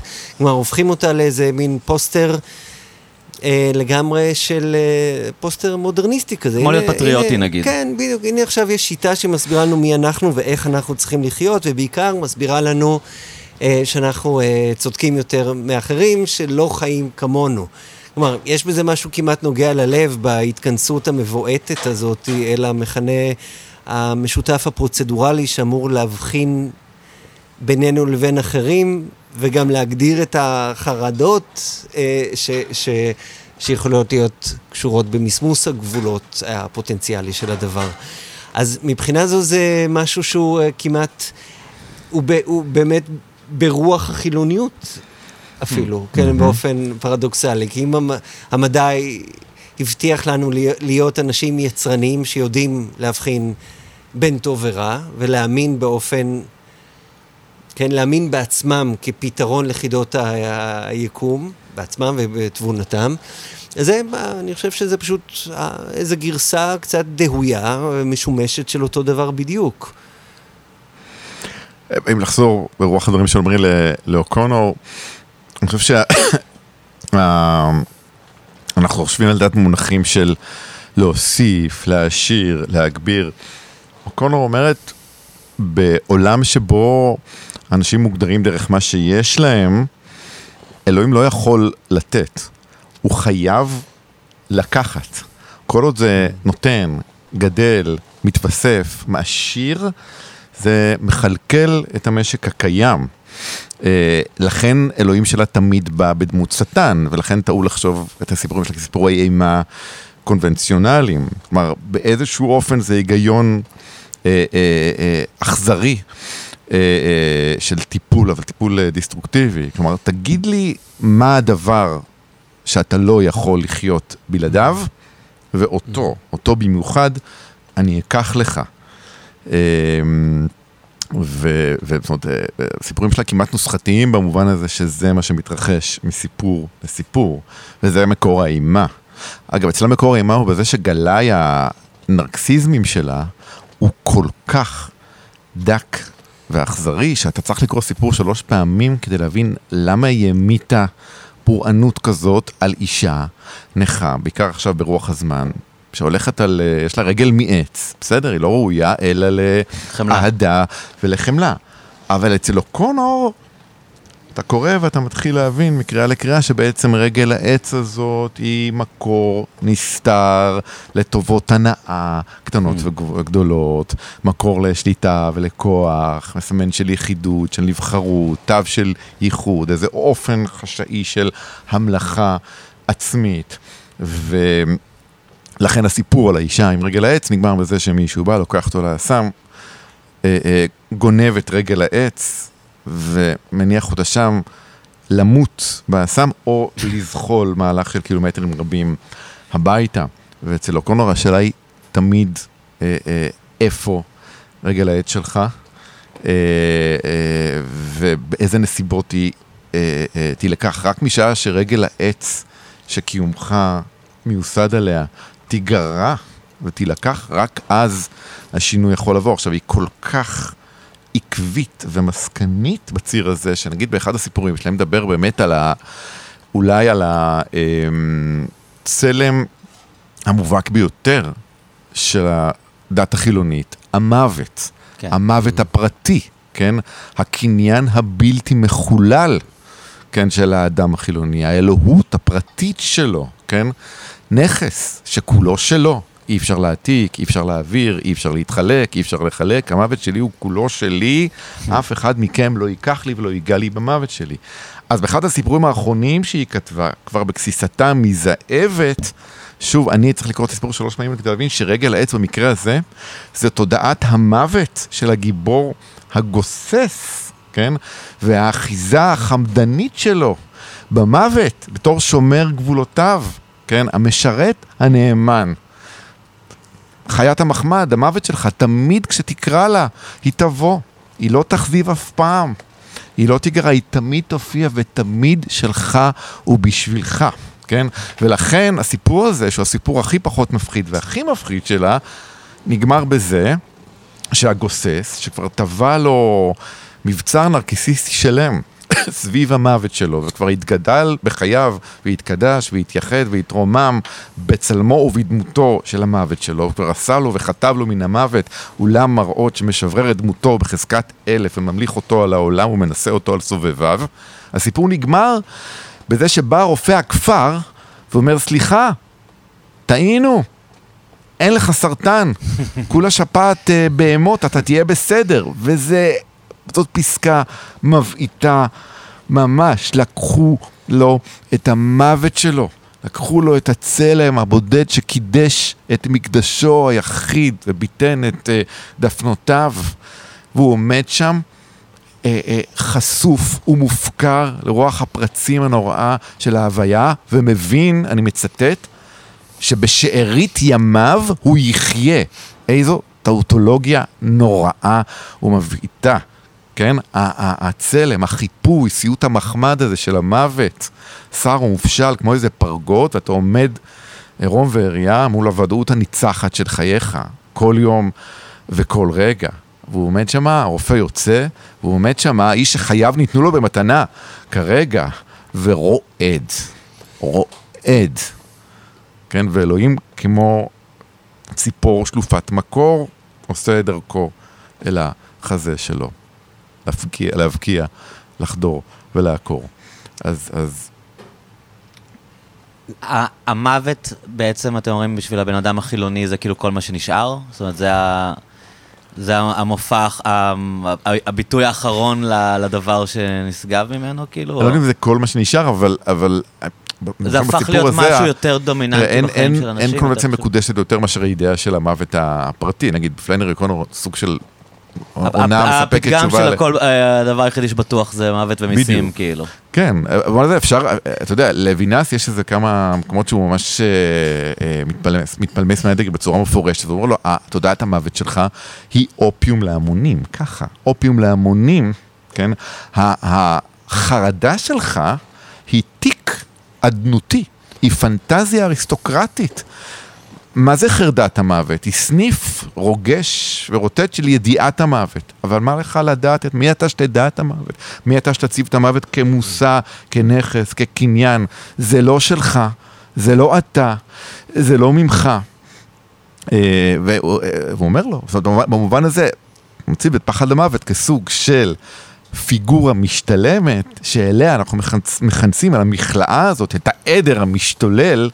של אימות החיים שלנו. זה חלק מה, מהחשיבות של האני? כאילו, אני כל כך חשוב, אז אם אני אמות זה דבר מאוד... אה, מאוד קריטי, כי כל מה שיש זה אני, ואז אם אני מפסיק מה... להתקיים זה הדבר הכי חשוב. זה לא, זה המטבע, זה המטבע הבוהק ביותר של הנרקיסיזם.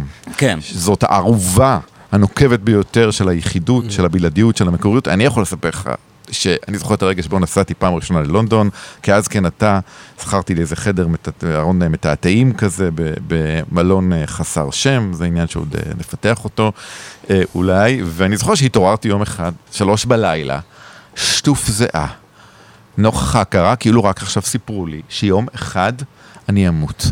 פתחתי חלון, לונדון ישנה, ואני מזועזע מגודל שערורייה. איפה ההמונים? איפה המחאות? איפה ההצהרות ההמוניות? אדם הולך למות ולונדון שאננה, אנשים ישנים כאילו כלום. עכשיו, איידיגר אומר שזה רגע של אותנטיות, שאחר כך אני שיקחתי וחיפיתי עליו כשנכנעתי לטרידות היום-יום. לוינס היה אומר, או קונור הייתה אומרת, בחור שאחוז באופן נואש, בשפה שלו, במקום שלו, במילים שלו, עיר זרה, כמו שאומר לאבקראפט כשהוא מגיע לניו יורק, נבהל, יש לו מתחת לחלון שחורים, והיספני ופוריטני, מסתגר בבית, חצי לכתוב סיפורי אימה. כן, נבהל, נבהל ממה? מה, מה, האינסופי של החיים, מכושר ההתרבות וההתפרטות שלהם, ההטרוגניות שלהם, הזרות המוחצת שלהם, ושורק למוות שלו, שיבוא, שיסתום את הסדק. כן. ש, שיבלן את החלון, שיסתום... יסתום את החור, שיחזיר אותו לעצמו, שירפד לו את הצינוק המתוק, שבו הוא עושה אהבה באין מפריע עם מוות שכולו שלו. אז אוקונו הייתה אומרת, חוויה אקזיסטנציאלית אותנטית, כן? נוירוזה, נרקיסיסטית, בלחץ, כן? הבחור נסע לחו"ל וראה אנשים שלא מתרגשים מהקשקושים שלו. וואו. כי אם אתה לא כזה חשוב, זה גם לא big deal שתמות. או אם כאילו העולם יותר גדול ממך, אז המוות שלך הוא לא כזה אירוע דרמטי, כאילו. אה, אה, כן, וגם, וגם, אתה יודע, והוא לא, אתה יודע, יש שם איזה רגע של אוקונור, שהוא אומר שם, אני רוצה לעשות לי מוות, שהוא אני, שהוא שלי, לצור אותו, היום יש כלכלות שלמות סביב, סביב המוות, אבל מה הם עושות כל הכלכלות? הופכות את המוות, הזקנה כבר, הופכות את המוות לחלק מה, מהחיים, ממליכות את החיים האלה, ממשילות את החיים על המוות. הקורונה אומרת, אין, אין דבר כזה, אתה לא עושה לך מוות בצלמך, כמו שאתה עושה לך בית או גינה או חצר. אה, אה, אה, אתה לא, אה, זאת אומרת, הוא הולך לפגוש את המוות כמו חתן בחופתו, הוא מחיית לו היום- מוות במידותיו הוא. אנשים היום כן טסים לשוויץ ונרדמים לשבועיים ואז מתים. אז, נכון, אבל זה, זה בדיוק הניסיון לתרבט את הדבר. לגמרי, אה, לגמרי, אתה. יודע, זה- אתה יודע כמה חברות, אני בן 50 שנה, אתה יודע כמה חברים שלי אמרו לי כבר, בוא נעשה כבר הסכם מדויק. לא לדבר על עמרי, שמבטיח לי כבר שנים, שברגע שתהיה לי קצת שפעת, הוא יבוא עם הכרית ויסגור עניין. אבל, אה, ואני נאמן לעמרי, אני לא עושה הסכמים כאלה עם אף אחד, אני רוצה את עמרי. אבל אתה יודע כמה אנשים מתחילים לדבר איתי, נחתום, מה נעשה? כלומר, הניהול, הניהול של המוות, הכלכלה של המוות, התרבות שלו, אתה יודע, זה, זה, זה, זה לב העניין, זה מה שעושה שם הגיבור. הוא מנהל את המוות כמו שמנהלים השקעה מוצלחת, והיא מניבה לו תשואות מפליגות בחייו. זה, וזה באמת המכנה המשותף של כל הנושאים שאנחנו זזים ביניהם. כי בעצם המשותף ל... כן, ל, לדת וגם למדע זה בסך הכל טקטיקות קצת עלובות אולי, אבל יעילות במידה מסוימת להדחיק את המוות, להכחיש את המוות, שלא נהיה מודעים לו. כמעט כל מנגנון אנושי אה, מגויס לזה, כולל השפה שאנחנו מדברים. זאת אומרת, גם המ- המדע מבטיח לנו ש... שעוד, שכבר נולדו התינוקות שיגיעו לגיל 200. 150, כן. לגיל 200, ועוד עוד דור או שניים דורות נצליח לנצח את המוות, וזו בעצם ההבטחה של הדתות. הדתות המערב- המונותאיסטיות כולן, כלומר, נצח Mm. את המוות, אתה לא באמת מת, אתה עולה לעולם הבא או כן. לגן העדן. אבל זה הופך או להיות אתה פתרון לא מיסטי, שזה חלק מהעניין. נכון. פתרון מודרניסטי של... בדיוק, אה, אבל זה בדיוק... אנחנו נפצח את זה. לא בדיוק, לא אנחנו- אלוהים יעשה את זה, אנחנו נעשה נכון, את זה. אנחנו נפצח את זה באופן שזה לא יקרה יותר. כן. אוקיי? משום שאנחנו לא מסוגלים לתת בזה משמעות. במוות עצמו אנחנו לא יכולים לתת לזה כן. משמעות, במובן הכי בסיסי, שאני לא יכול לדמיין את זה. כן. לא יכול לדמיין איך זה. זה מעניין. ו- כן, ו- סליחה. ורגע, אני חוזר, אז אם כל המסגרות האלה, כן, אה, באות להילחם על המשמעות של החיים, כלומר של המוות, ולמשמע אותו, ולתרבט אותו, ולעצב אותו, או ובו זמנית גם להכחיש אותו, זה אותו דבר. אז הנה, באימה אנחנו, באימה הטובה אנחנו יכולים להשתחרר לתוך הטריטוריה שבה, שבה אנחנו יכולים להשתחרר מהעול הנורא של לחפש משמעות. Hmm. ולנסות אה, להאמין לכהן הזה או למדען ההוא שאומר, שאומר לנו, אנחנו נצליח להשתלט על הדבר הזה. אנחנו מבינים אותו. אנחנו נוכל לחסוך את זה מכם, בדרך כזו או אחרת. אז, וזה בעצם גם האופציה של, שבה אנחנו יכולים לתת משמעות לנעלם הגדול. כן? פשוט אומרים, אה, הוא לא יהיה, או שהוא בעצם לא, לא קיים. השאלה הגדולה, המאיימת, המסעירה הזאת, היא, היא, היא כבר לא רלוונטית, אוקיי? יהיה, וככה אנחנו גם ממשמעים אותה, במובן שנותנים לה משמעות, וגם מייצרים סביבה איזה משמעת כזאת. זה, אנחנו מבינים את זה, וזה בעצם לא יהיה קיים. זה לא קיים, קורה משהו אחר שמה. והאימה היא באמת איזה סוג של שחרור שמח כזה, שבו אנחנו יכולים לוותר על, ה, על התשוקה הקומפולסיבית הזאת לתת משמעות לכל דבר. כן, תחשוב ש... שזה דבר שהוא אם- מאוד אם- מדכא, אם לתת נמשיך משמעות. שתאמרי, אנחנו... תחשוב על פרוצדורה של קריאה. מה אמרו לי, נגיד, כשלמדתי אה, ספרות? אמרו, אוקיי, יש פרטי מציאות, אקראיים לכאורה, ואתה בונה עליהם קומה מטאפורית או מטונימית. זה מהלך המשמוע, זה מעשה הפרשנות. אני חושב שמה שקורה בס- בסיפורי אימה הרבה פעמים, בדיוק המהלך ההפוך. כלומר, האמת היא שאנחנו, זאת אומרת, זה, זה, רשת המשמעויות כבר נתונה, מה זה נתונה? נתונה עד מחנק.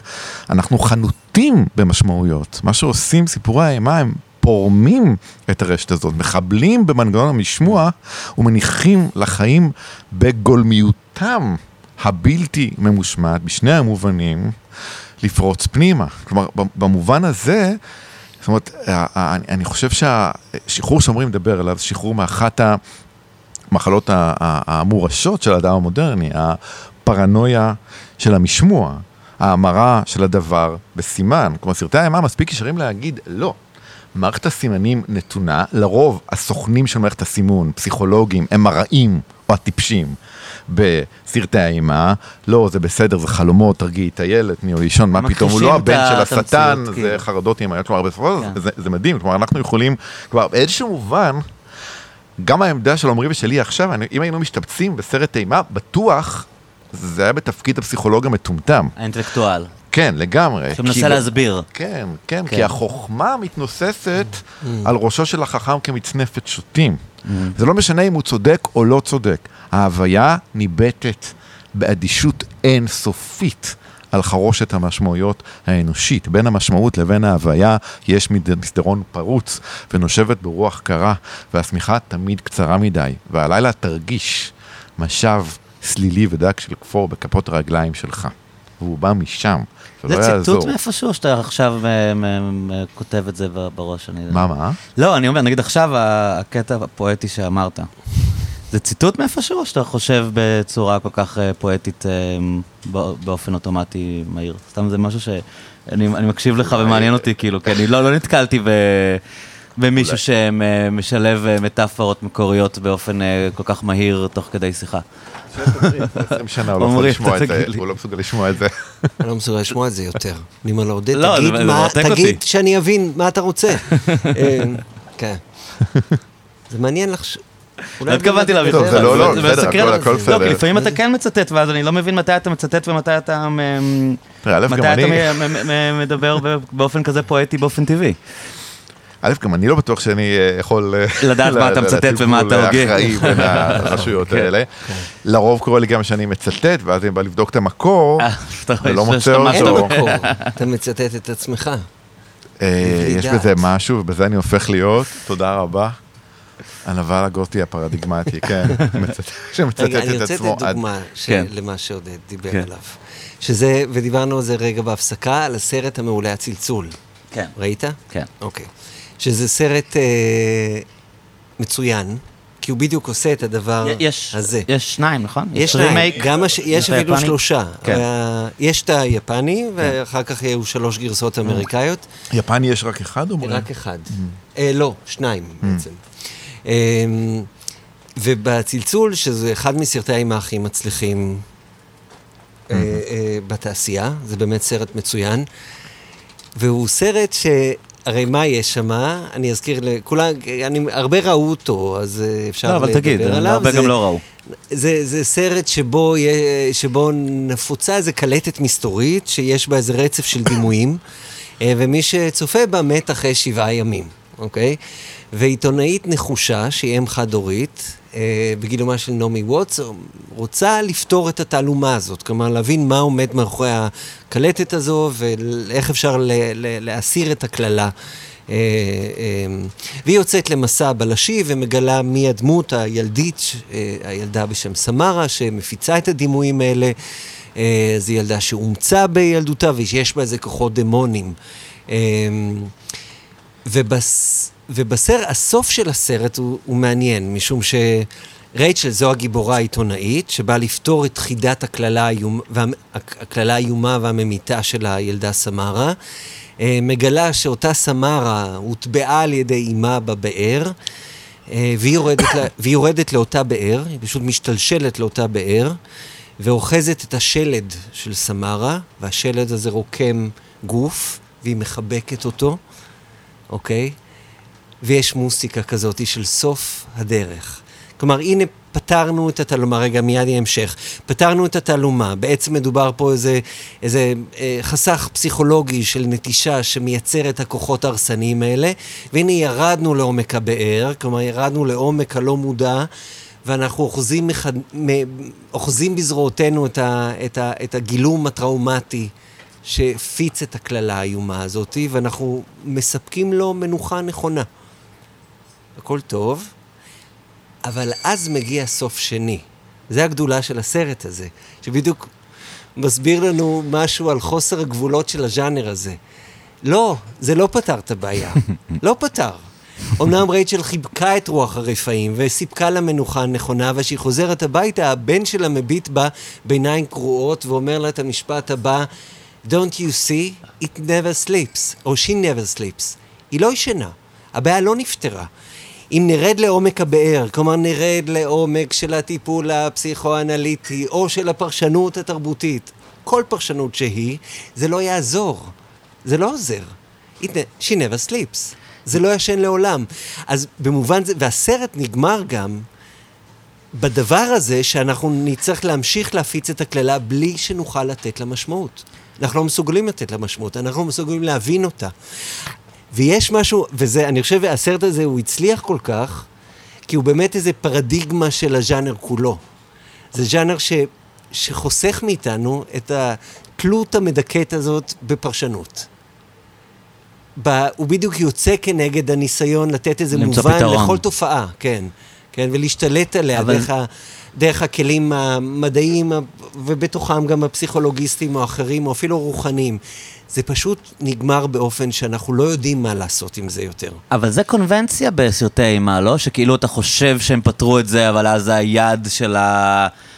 של פרדי קרוגר יוצאת מהקבר נכון, אחרי שקברו נכון. אותו. תמיד האיום לכאורה מטופל, אבל אז אתה מבין נכון, שיש מקום לסיקוול נכון, והוא יחזור, נכון. כאילו, אף פעם לא הולך לשום מקום. המפלצת הובסה. קנדימן, או לא משנה מי, תמיד הוא, תמיד הוא חוזר, כאילו. כן. כן. זהו, המפלצת הובסה כן. בסוף הסרט, אבל באמת היד אה, מופיעה מתוך הקבר הלך, כן? היא לא הובסה, היא לא יכולה להיות מובסת. ובאמת אנחנו נמצאים באיזה מרוץ אינסופי לתת משמעות לדברים שאנחנו לא יכולים לתת להם משמעות, וגם כשאנחנו חושבים שהצלחנו דרך הדת או דרך המדע, באיזשהו מובן אנחנו יודעים אלה, שאלה גם תשובות לא מספקות. אולי רגע לפני המוות אנחנו יודעים את זה בוודאות, אולי גם לא. Hmm. אבל אנחנו, הסיבה שאנחנו ממשיכים לחפש תשובות היא משום שאנחנו יודעים שהתשובות לא מספקות. שהתשובות שמסופקות או לא. הן לא מספיק טובות. כן. זה, זה ביחס נכון. למסתורין הגדול הזה, למשל של המוות, שמכתיב את מהלך החיים כולם, מובן, מובן הנעלם הגדול. ו- ו- והנה זה... והאימה אומרת לנו את זה. היא אומרת לנו את האמת הפשוטה הזאת. עכשיו, זה נכון שמה שזה מייצר, אתה אומר שזאת קונבנציה. זה נכון. עכשיו, מה הקונבנציה הזאת מייצרת? היא מייצרת סדרות. עכשיו, סדרות גם כתופעה אה, צרכנית, כן. אבל הסדרה פה היא לא רק תנאי ההגחה של מוצרים אלא הסדרה היא לב העניין. כלומר, אתה מנסה כל הזמן לעצור, לתת סימנים ביחידות, לגלם, לגלף, לפסל, לחתום, לגמור. הנושא, כלומר הסרטים האלה זה לא שהם, לא שהם מתקיימים כן. כסדרות, הסדרתיות היא לב האימה, וסליחה, ובמובן הזה, אתה תראה את זה מאוד מדויק, זה אה, אה, מהלך של משמוע שלעולם לא מדביק את קצב ההתרבות וההסתעפות של הסדרה, ולכן הממשמע מוצא את עצמו לעיתים קרובות כמפיץ נבער של תוכן שאין בידו סיפק למשמע. האימה היא האימה שבהפצה, אבל הפצה נבערת של שדר שלעולם לא תרד אל צפונותיו, ואתה נעשה סוג של נשא מטומטם של נגיף בלתי ניתן לפיצוח. עכשיו, הדבר הזה באמת עולה, בוא ניקח את הבלש, שהוא סוג של חיסון, כאילו, סוג של חיסון כן, נגד התופעה הזאת. כלומר, הבלש הקלאסי. פותר את המסתורין. מה? הוא פותר את המסתורין. אבל זה מדהים לראות איך הבלש במקומות הכי מעניינים שלו מתנודד בין האופציה האריסטוקרטית של הרצח היחיד, היחידי, המייחד, לבין האופק המבעית של הסדרה והידיעה שהרצח המסוים והמיוחד הוא בסך הכל הפנטזיה של הרוצח הסדרתי, של כל אחד מאיתנו כרוצח הסדרתי, שהנה הנה, זה הרצח האחרון, וזו בדיוק הפנטזיה שמכלכלת את הסדרה, כלומר המנוע של הרוצח הסדרתי הוא ההתכוונות על הרצח האחרון, כל רצח הוא רצח האחרון, ובאחרונותו הוא מנביע את הרצח הבא. עכשיו תראה את פי.די ג'יינס למשל, שהספרים האחרונים שלה כבר מדברים בבהלה עם הפנומן של הרצח הסדרתי בהבחנה ברורה. הרוצחים הסדרתיים הם תמיד working class, והרוצחים, והם תמיד ברקע, ובמרכז הספר יש רצח ראוי לשמו, מיוחד, מושקע, מאובזר, אה, מלא וטעון בכוונות רעות להלל של רוצח אה, אה, אחד. זאת אומרת, אדם אחד שמתכוון לאדם אחר. זאת אומרת, התכוונות שהיא אינטימית, סגולית, ולכן טעונה פענוח. אגב, שאלו את הזקנה המרושעת הזאת, למה אצלך תמיד הרוצחים, במובן הזה, הרוצחים המושקעים, המשוכללים, היצירתיים, הם תמיד מעמד בינוני גבוה, אז היא השיבה לפי תומה, מה זאת אומרת? כי רצח מהסוג הזה דורש השקעה, תכנון, משאבים, השראה מסוימת. working class, אין להם את זה. אה, אגתה קריסטי כמובן תקופה אחרת, בשנות ה-30, בספר כמו אה, ABC Murders. כן. היא קרויה לעולם שעומרי מתאר, לעולם של ההפצה ושל הסדרה. אז ב-ABC Murders יש אדם שרוצח לפי האלף-בית, יש רוצח סדרתי. אבל עולמה של אגתה קריסטי לא מסוגל לשאת את התופעה הזאת שממירה את המשמוע בדיבוק המכלה של ההפצה. לכן הפתרון הג... הגאוני שלה הוא... שאני מקלקל פה את ה-ABC, אבל היא כתבה 88 כן. רומנים, אז תקלקל אחד, יישארו 87. אז ספוילר מאוד זכור, כן, אני זוכר את זה. אה, אה, כן. הפתרון הוא ש... הרוצח התכוון לרצוח אדם אחד, כלומר ככלות הכל זה רצח מהסוג הישן והטוב, פוארו המספק פתרון, הכל בסדר, וכהסוואה הוא רצח עוד עשרה כדי לשוות מראית עין של סדרתיות, אבל באמת באמת הכל בסדר, זה איש אחד שהרג אדם אחר כי היה לו משהו איתו. אבל זה מדהים, ההתעברות הלחוצה והנבהלת של הבלש עם האופציה המסתררת והולכת כן. של הסדרתיות שקונה לשביתה בסרטי האימה שעמרי דיבר עליהם. אני רוצה לשאול אתכם על, ה, על ה, התופעה הכי פופולרית בתרבות הפופולרית בעשורים האחרונים, שאני חושב, בלי, בלי לדעת אה, אולי לנתח את זה, אבל זה מרגיש לי מאוד אנטי-אימה, שאני מדבר על מארוול כאילו. כי בכל האסתטיקה ובכל מה שאנחנו רואים שם, זה, זה באמת, אה, זה כל כך צבעוני, זה כל כך בוהק, אתה רואה הכל, שום דבר שם לא מוחבא, הכל, כאילו... זה ממש מרגיש כמו איזה אנטיתזה לסרטי אימה, כל מה שקורה שם. Um, סתם מעניין אותי איך, איך אתם רואים כאילו את הפופולריות המטורפת של, של הסרטים האלה, אני חושב שאף אחד לא, לא ראה את זה בא ולא ציפה ל, להצלחה, שלא נגמרת אגב, כל, חשבנו כל הזמן שזה הגיע לאיזה שיא ושזה נגמר עם האנד גיים וזה ממשיך לשבור שיאים וזה נראה שהדור של האנשים שאובססיביים לגבי הדבר הזה רק גדל לאוכלוסיות יותר גדולות.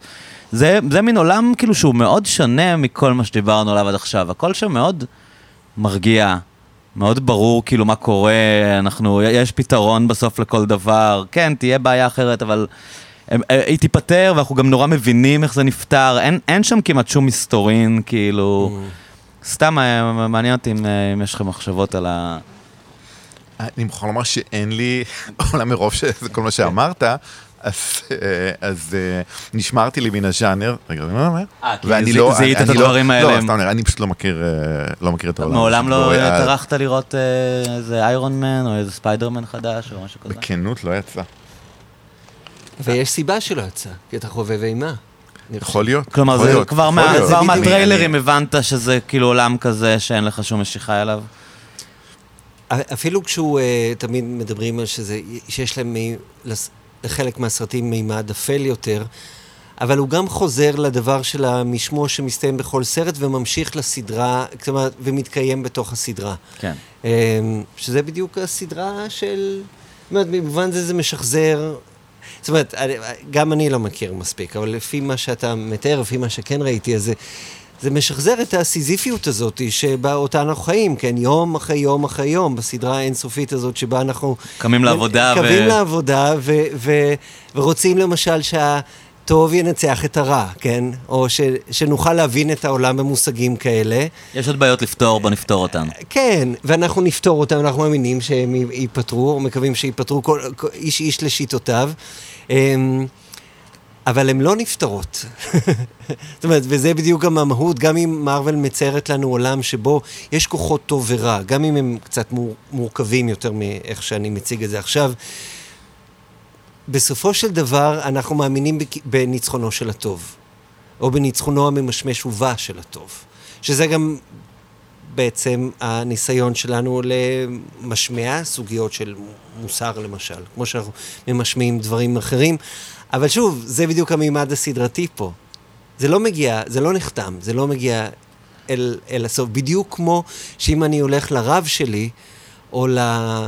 לרב המקובל, או לכומר המוודא, או ליועצת התזונה שלי, או לרופא שלי, או לכל הפונקציות האחרות שאמורות לתת לי את הפתרון לשאלת האבדון, כלומר לדחות אותו, להסביר אותו, לסייג אותו.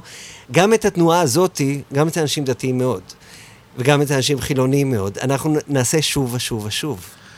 זה, ו... זה אף פעם לא יסתיים. זאת אומרת, רק המוות יחתום את זה. ואפילו אם נחשוב נגיד על סיפור כמו איש החול, mm. אז uh, נתנאל מגולל בפני קלרה את ציוטיו, והיא uh, משיבה לו במכתב, באמת, uh, עדכני להבדיל, מה? הופמן, אתה כן. הופמן. והיא עושה לו פרשנות, פרשנות פסיכואנליטית לעילה.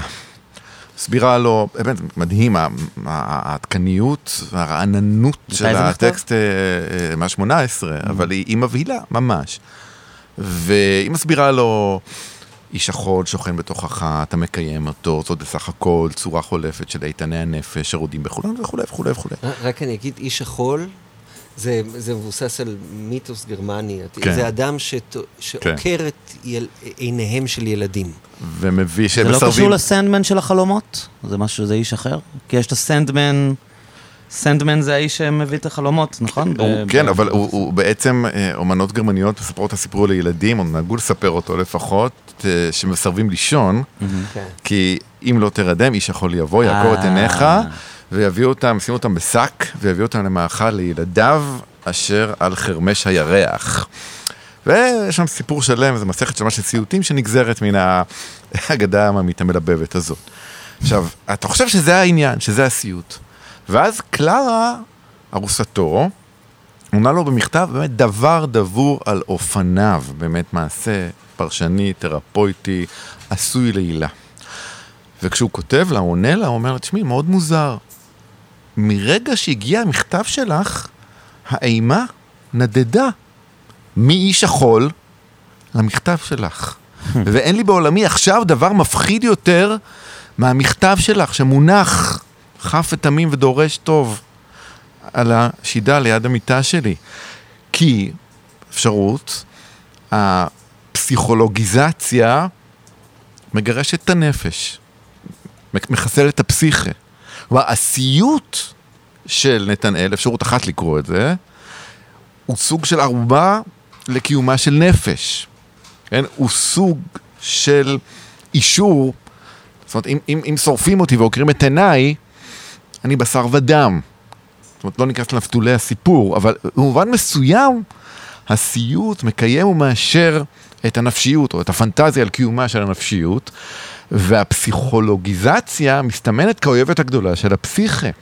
כלומר, המהלך הטיפולי, התרפויטי, מתגלה כסיוט האמיתי, שסיוט המחמד המגויה של איש החול לא בא לעולם, אלא כדי לגונן מפניו. כלומר, לא זו בלבד שהפסיכולוג לא עוזר, הפסיכולוג מתגלה כמקור, כמקור האימה, שהאימה הטיפוסית, הלוהבת, בוערת, אה, עקורת עיניים אה, וכולי וכולי, באה למגר או להרחיק, אוקיי? זאת אומרת, אה, אצל הופמן באופן מובהק, הדוברים של הפסיכולוגיה, השקולים, השפויים, הערוכים, מארגני הנפש ומכלכליה, הם המוליכים המועדים ביותר של הטירוף.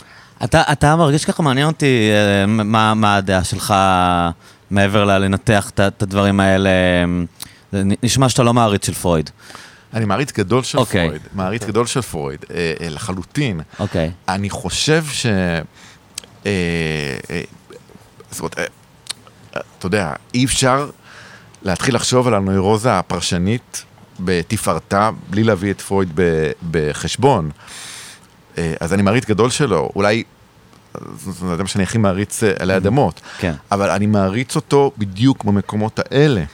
הוא יוצא לכבוש את הספרות, אבל פעם אחר פעם הוא מגלה שבספרות יש איזה יסוד, איזו שארית, איזו מובלעה שאיננה ניתנת לכיבוש, שאיננה ניתנת לביות. כלומר, המקום שבו פרויד מתחיל לגשת לסיפור הזה כפרשן שמתנשא מרום מעמדו האולימפי על היקום הספרותי החולה של הופמן, ומפצח, מתעמר לפצח את הסיפור כולו על פי מפתח הגנבים המוכן מראש של פחד הסירוס, שאורב לפתחו של כל גבר בעולם.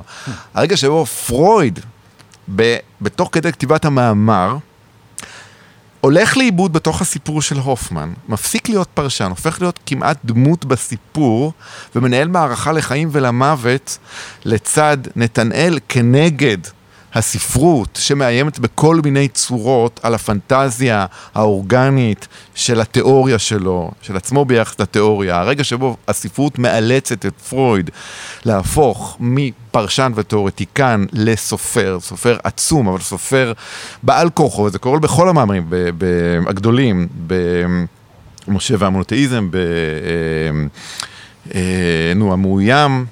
המקום שבו הספרות, הוא, הוא מאבחן אותה ממרחק, אבל היא מאלצת אותו להיות, להיות מבצע. אתה קורא בזהירות את המאמר על איש החול, ואתה מרגיש שזה כבר, זו כבר מערכה שוות מישורים שבה פרויד ונתנאל וקלרה וכולם מתגוששים ומתגודדים בתוך העולם המסויט של הופמן, ופרויד נעשה בעל כורחו לשחקן, למבצע, ללוליין קרקס, לאקרובט, לאתלט, להכל חוץ מאשר פרשן מדען. שמשקיף, כן. מדען שמשקיף במרחק בטוח על הפנומן. כבר הוא מנסה, הוא מנסה אה, אה, להשכיב את הופמן על... אה, אה, מיטת הטיפולים, אבל הרגעים המדהימים שבהם הוא יותר מכל אחד אחר, לפניו או אחריו, נוגע, למשל, באוטונומיות המפלצתית של הספרות, באופן שבו הספרות היא ככלות הכל ואחרי הכל על עצמה. אה, הוא אומר שם, בחלחלה אמיתית, תראו מה זה. רוחות רפאים, אדם מן היישוב, חושב שזה מפחיד, נכון? אבל אם אוסקר ויילד עושה את זה, זה לא מפחיד, זה מצחיק. למה? כי הספרות יש לה מתכונה דמונית כזאת שהכל תלוי בתנאי הפתיחה הסגנוניים, בז'אנר, בתנאי המוצא, בפואטיקה, במחבר, בעולם שלו.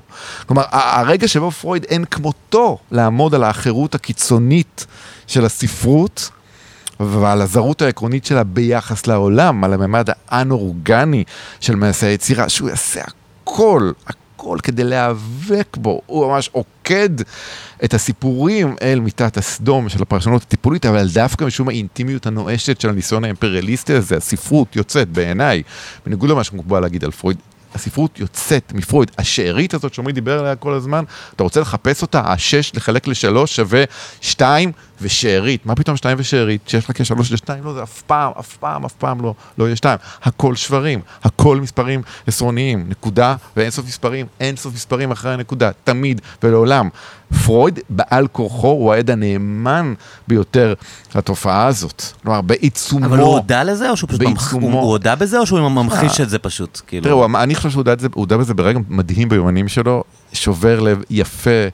אה, שמרגש אותי תמיד, הוא אומר באיזשהו מקום, אני נורא נורא אוהב לכתוב, אני שונא לקרוא.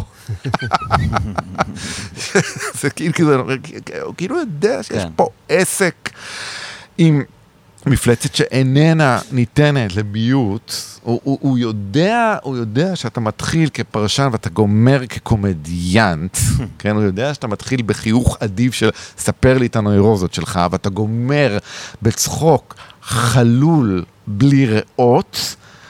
אין כמותו לדעת, אז זה בעיצומו של המשגל. מה זה משגל? אה, יותר ממשגל, מה שקורה שם. אבל בעיניי הוא העד הנאמן והאינטימי ביותר ל... לאחרות הבלתי מנוצחת של, ה, של, ה, של הספרות, אה, דווקא משום שהוא בא לספח אותה לאימפריה המסתעפת של המחשבה הפסיכואנליטית. אתה יודע, בסוף משה והמונותאיזם שהוא אה, אומר, זאת אומרת, אה, אה, משה, זאת אומרת, הטענה היסודית שמשה היה איש, איש מצרי, אתה כמעט שומע את פרויד אומר, הפסיכואנליזה, אישה מצרית. אני אישה מצריה. כולנו אנשים מצריים. אמ, אתה יודע. אמ, בהמשך לדברים שלך, עודד, אני רוצה לשאול האם אתה אי פעם היית בטיפול. אה, אני הייתי בטיפול, אני הייתי בטיפול אצל דוקטור רודי. מי זה? בערוב, בערוב, דוקטור רודי המטפל, עכשיו את הסדרה שאני יצא אותו מפנים ומאחור. רגע, לא ספר, ספר. אין המון מה לספר. מי הוא דוקטור רודי? אני לא חושב שאני מוסמך לספר, הוא היה הפסיכולוג של ישראל בשנות ה-70 וה-80, עם אה, אה, איזה כת, אה, כת מאמינים, כאילו היה פסיכה, הוא כמעט, כמעט שווה ערך לקסיקלי למילה פסיכולוג. כן? השם לא אומר לכם אה, כלום, אך פער, הדורות מעולם לא היה מכאיב יותר, אז... אבל היה סביבו מין סיפורים... כן, כן, אז זהו, אני כבר פגשתי אותו אחרי שבית הספר, או האסכולה שלו נסגרה, והוא היה סתם איש... רגע, רגע, למה ההורים שלך שלחו אותך אליו בעצם? סליחה. כן, כן, זה מאוד מעניין אותי. כן, אה, בעד. בתקווה ליישר את המדורים, לשפר את המצב ולהביא אותי ל... איך אמר פרויד? מאומללות פתולוגית לחוסר אושר נורמלי. זה, או מאושר פתולוגי לחוסר אושר כן, נורמלי. אני אבל חושב ש... סליחה, אני מתעכב על. אם הייתי שואל את אימא שלך, מדוע היא בחרה אז לשלוח אה, את בנה... לשם כך תצטרך לזמן אותה, היא מאוד תשמח לזמן כן. אותה לשיחה, אני בטוח. אבל מה הייתה התשובה שאתה מניח שהייתה? תראה, אימא? שלי, בוא אני אגיד לך, אימא שלי, אימא איתה, בהשקה של אה, ספרי אדגר אלן פו, אירע מקרה. לקראת הסוף, אימא שלי קמה, חטפה את המיקרופון, ו... אה, ופנתה בפנייה ישירה לראשי רסלינג שהוציאו אה, את הספר ברגע של אה, אה, חולשה, ואמרה להם, ואני ממש מצטט, אני רוצה להודות, איך קוראים לכם? אתה איציק, והשני עידו, עידן. אני רוצה להודות לכם שאתם באים לבקר את הבן שלי, אתם בטח גם משחקים איתו לפעמים. אני נורא שמחה שעכשיו יש לו קצת חברים, וממש תודה לכם, ואם אתם רוצים מדי פעם לבוא, משהו לשתות, עוגיות, אתם תמיד תמיד מוזמנים. אתם יודעים, לא תמיד היה קל. אה, ואז היא החבירה בכל מיני דוגמאות שאני לא זכרתי, לדברים שכביכול עשיתי בילדותי. ופשוט, אה, זה היה, עכשיו, אנשים לא, זו הייתה השקה ארוכה, מפרכת, מענה. הדבר היחידי שאנשים זוכרים ממנה, זה את הנאום, נאום התודה של אימא שלי לעידן עידו, ואתה שם יצחק, שפרסו את חסותם המצילה על הבן של הרגע לפני שהיה מאוחר מדי.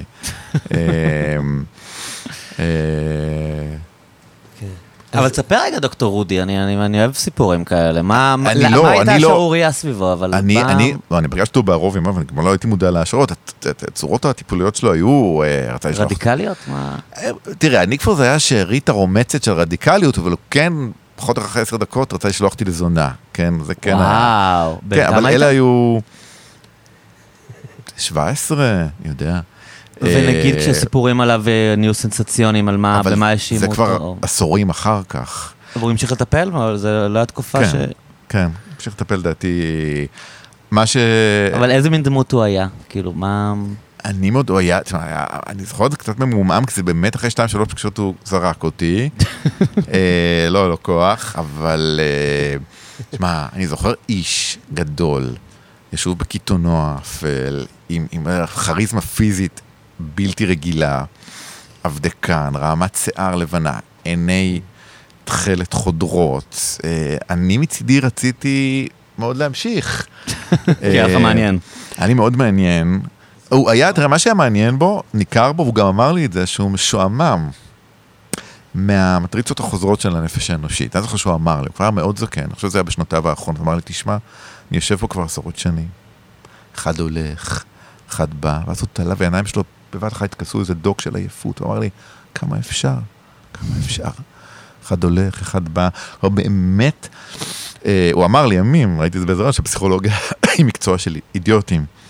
אה, הוא היה, היה עייף מההתרווחות הדקדנטית בשיח ה- בהסחתה המסתעפת של הנפש. הוא סיפק הבחנות מחץ נוקבות בשלוש שניות, כמו וטרינר. כאילו הוא ידע לראות בן אדם היה מגיע אליו, הוא התחושה היה מאבחן הייתה אותו נורא מהר. כמו וטרינר שמסק בהבחנה, סליחה, על סמך ריח הצואה של החתולה שאתה מביא אליו, זה כמעט לפי הריח. של הנפש. כן, זה כמעט לפי ואתה לא יודע הריח. איך הוא עשה את זה. אני חושב, למרות כל מה שאומרים עליו עכשיו, שהיה שם איזה מוקד אינטואיטיבי דמוני, ממש. מין כן. כמו מתקשר כזה. כאילו, אה. איזה לא- מין לא- מיזוג בלתי אפשרי בין עייפות עתירת ניסיון. לאבחות ברק אינטואיטיביות מפלחות עולם, באמת. כלומר, ה- ה- זאת- אבל במובן הוא הזה, זה- נזקים לאנשים? למה הייתה שערורייה סביבו? או פשוט המתודות שלו היו כאלה אלטרנטיביות ש... הכל בסדר, כמו שאתה כן. רואה. כאילו, אה, צמחתי הישר אל תוך הנורמה. אבל אה, מה שעושה לאנשים אחרים, אני יודע רק מפי השמות, כנראה שכן. לי אין עליו שום טענות. אני אפילו... אה, אה, הדבר היחידי שאני מצטער, הוא הכריח אה, אותי להקליט את השיחות, הם היו באמת, אה, בטח במובני הזמן הזה, בלתי נתפסות ממש. והן קיימות אצלי על אה, קלטות, אני פשוט לא מוצא אותן. קלטות, אה, אתה יודע, טייפ. אה, איפשהו בבית הוריי האוצר הזה מסתתר. שלך בגיל 17 בטיפולים אצלה? מהמם. מלחיץ, לא? היית רוצה להקשיב להם? תראה, כל החיים שלי אני, אני אימצתי לי מורים משוגעים. קראתי את הביקורות המטורפות של אמנון אבות בצומת השרון, אתה יודע, זה היה משהו שאי אפשר בכלל, גם במונחי התקופה, שעוד אפשר היה לדבר, זה היה זה. בגיל 12 הרמתי לו טלפון, אמרתי, אני רוצה לפגוש אותך. הלכתי אליו הביתה, וכך הלאה והלאה. אה, אז, אה, אבל, אה, אתה יודע, היו לי, החיים שלי כן עשויים, אני לא נדבר אחר כך על מה מזה יישאר, אבל אתה יודע, הלכתי, היה מחויבות אישית. אתם יודעים מה זה? ב... אתה מכיר את הסיפור הזה? לא חושב שאתה מכיר אותו. מחויבות אישית זה ששולחים, אתה יודע מה זה. צריך לתת לקהילה בכיתה ט' או אה, י' או את, אה, י"א, אני חברי, חושב. אה, כן. חברי אה, דאז צור, כבר זיכרונו לברכה. אה, זה לא מצחיק, ולפגוש בחור. בסדר, אמרו לי, יש לנו קצת בעיות בלימודים, הוא לא מסתדר עם החברים, הוא קצת ביישן וחיישן. אמרתי, טוב. אה, במפגש הראשון, הוא סיפר לנו, הוא פשוט פרס את מפעליו הפליליים. עכשיו, זה לא משנה, גם אם הוא המציא את זה, גם אם הוא יכול היה להמציא את זה, הברוקיות המפלצתית של תיאורי הזוועות, זאת אומרת, לא משנה אם זה היה או לא היה. אה, צור למשל פרש באותו רגע, אני כמובן נשארתי. אה, לימים, אתה לא תוכל להשאיר את זה, לימים אה, הוא נעלם, בשלב מסוים, עכשיו תראי, זה גם שנות, שנות ה-80, אין, אין יועצות, אין שום דבר, בית ספר לא יודע מה אתה עושה. הוא נעלם,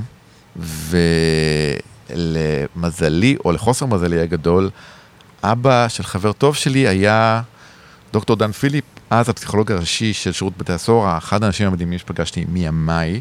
יש עליו סרט עכשיו, המר- המרפא הפצוע. אתה היית יושב בבית והנשאים פדולפים היו מתקשרים, מתקשרים, אנחנו יושבים שם אוכלים אה, ממתקים רואים אה, בחמש וחצי טלפלא. הוא היה עונה להם, שלום ילד, מה שלומך?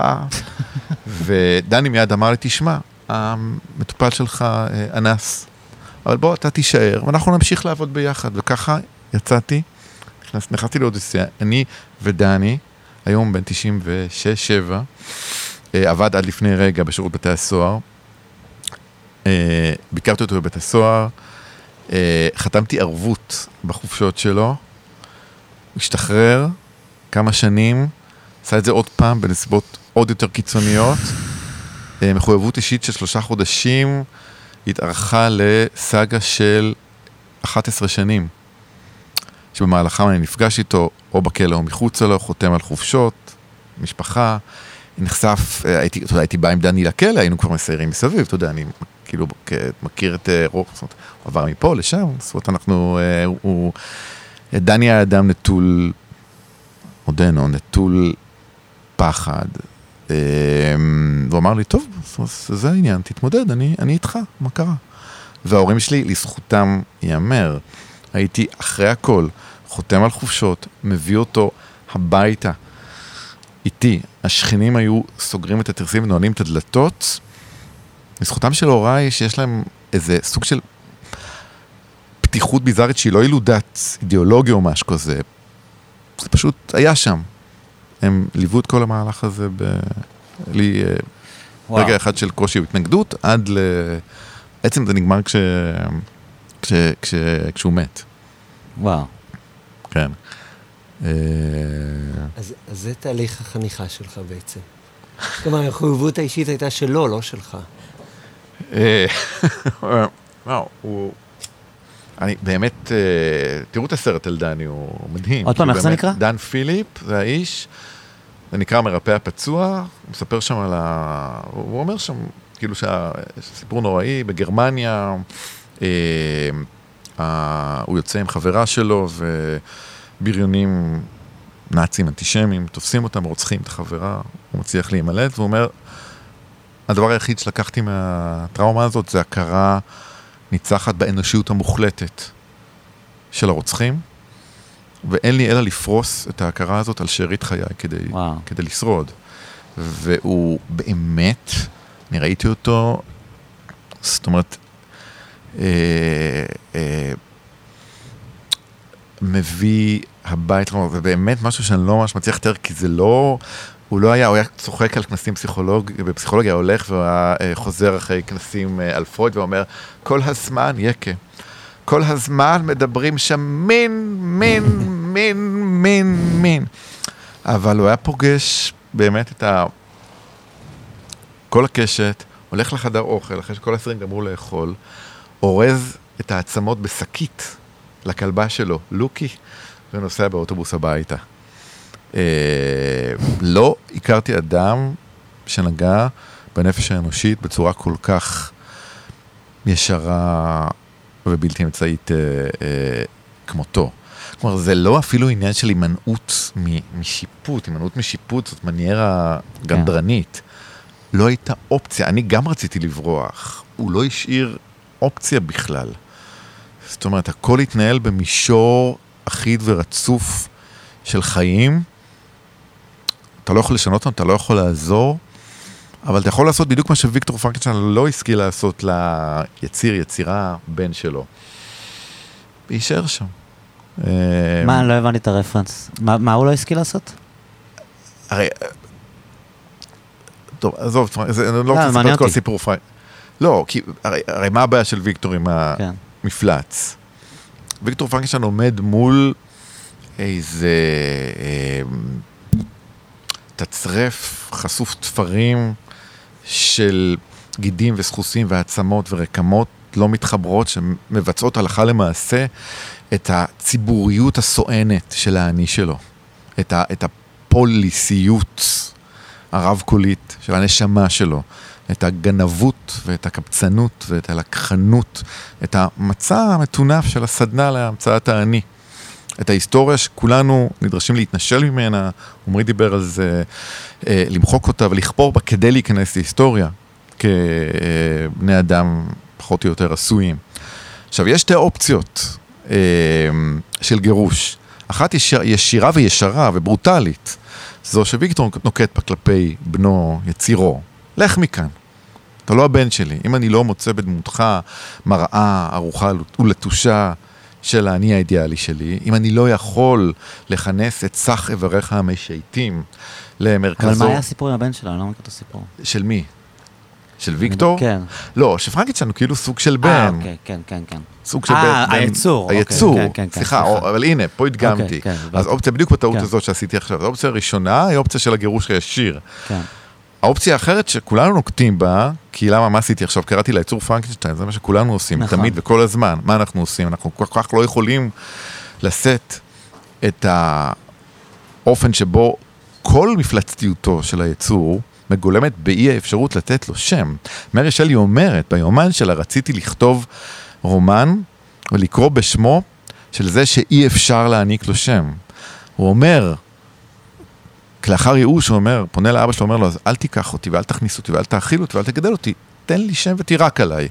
וויקטור מבחינתו, בצדק, אומר, אבל זה העניין, שאי אפשר לתת למסת האיברים התלושה הזאת שם, אם אפשר היה לכנס את כל זה לשם, אם אפשר היה להמליך שם על הביצה הזאת, כי אז הייתי מאמץ אותך בחום וקורא לך בני, זה עצם העניין, שאי אפשר לתת לך שם בגלל זה, ורק בגלל זה אתה מפלצת.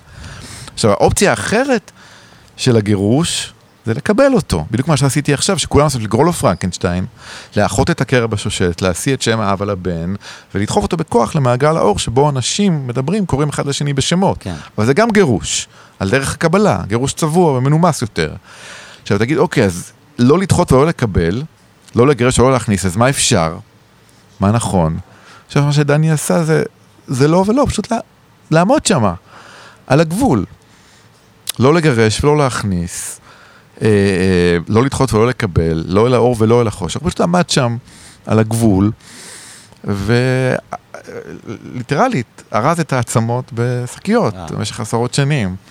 ואתה יודע, בעיניי זאת האופציה הגותית האמיתית. זאת שהרומן מחמיץ, אבל כשמרי שלי, בהקדמה שלה, אומרת לקורא, בגילוי לב בלתי אפשרי בתקופה, אתה רוצה לדעת מאיפה הסיפור הזה בא?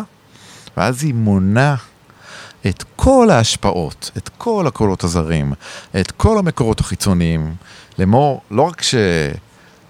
לא רק שזכיתי באור מן ההפקר, זכיתי באור מאלף הפקרים. גזלתי אותו מאלף מקורות. קיבצתי וגנבתי ושעטנזתי והרכבתי ותפרתי והחלבתי, צבת בצבת עשויה. אומרת, הספר הזה כרוך בכריכה ויש לו שם, כי כך מוצאים ספרים בעולם, אי אפשר להוציא ספר בלי שם, אלה תנאי השוק. אבל בעצם, בעצם, זה ספר שאין לו שם, זה ספר מפלצת, ספר שהוא הגילום החומרי של המפלצת, אותה טקסטורה שלה. אל תקרא, תמשש, אל תפענח, תיגע, שא אותו בידיך. והשאלה הגדולה של הספר, האם תשכיל לעמוד במקומו של ויקטור פרנקנשטיין, ובמקום לגרש כדרך פרנקנשטיין, או להכיל כמנהג הזמן, שזאת בסך הכל צורה מעודנת של גירוש, תעמוד שם, מול זה שאי אפשר לקרוא לו בשם, ותישא בעיניך, במבטך ובלבך, את אה, מקלעת האיברים הלא מתחברים הזאת. תישא את הריבוי, תישא את השארית, תשא את העושר הבלתי נסבל, המדביר והמצמית של ההוויה, בלי לכנס ובלי לפזר, בלי לגרש ובלי לקבל. אני חושב שזה מה ששלי אומרת שהיא מגישה לנו את הספר הזה. פשוט תישאר שם עוד רגע, אתה לא יכול לקרוא, אל תקרא. אתה לא יכול לגעת, אל תיגע. שא את המראה הנורא והנפלא הזה, שאיננו עשוי למידתה של העין האנושית, שא אותו בעיניך המתרחבות. זהו. אה, טוב, אנחנו, זמננו תם לצערי, אני מרגיש שאנחנו עוד לא, לא נגענו באפס קצה, כאילו היה, הייתי יכול לדבר איתכם עוד אה, זמן ארוך, ואולי נעשה את זה עוד פעם מתישהו.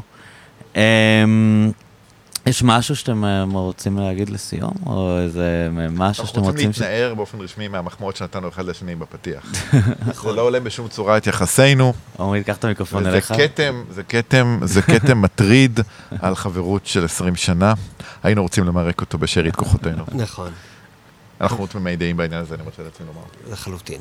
אה, מי שרוצה, לא יודע מה, לקרוא עוד. לעקוב אחריכם אה, איפשהו, להתעמק בדברים שאתם, לא יודע, עוד דברים שאתם יכולים אה, להמליץ, דבר, דברים שפרסמתם, איפה יכולים לעשות קבוע. 052-644-2170. בסדר גמור. לא. 054. 054. אה, או 2, וואי, אני לא זוכר. כן, ספרו האחרון של עודד וולקשטיין, אוי, לא אומרים, נו. מכרסם. ספר מצוין, אה, באמת. טוב, אני... קשה אני אומר זה, עולה לי. בדמים. גם לי, לשמוע את זה באמת, ממנו. כן. כן. טוב, אה, יופי. תודה רבה. ממש נהניתי, היה לי עונג וכיף מאוד להכיר אתכם.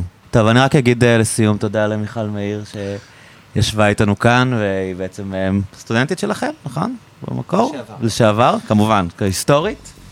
והיא יזמה את המפגש הזה, וחשבה שזה רעיון טוב להביא את שניכם ביחד, והיא צדקה. אז... זה שנה של הפקה מאומצת. כן, זה היה ככה הרבה מאוד זמן עד שהצלחנו ל- להתארגן שלושתנו לעשות את זה, אבל יופי, זה קרה סוף סוף. אז אה, תודה, מיכל. ביי. גם לנו. ביי, להתראות. תודה. תודה, להתראות.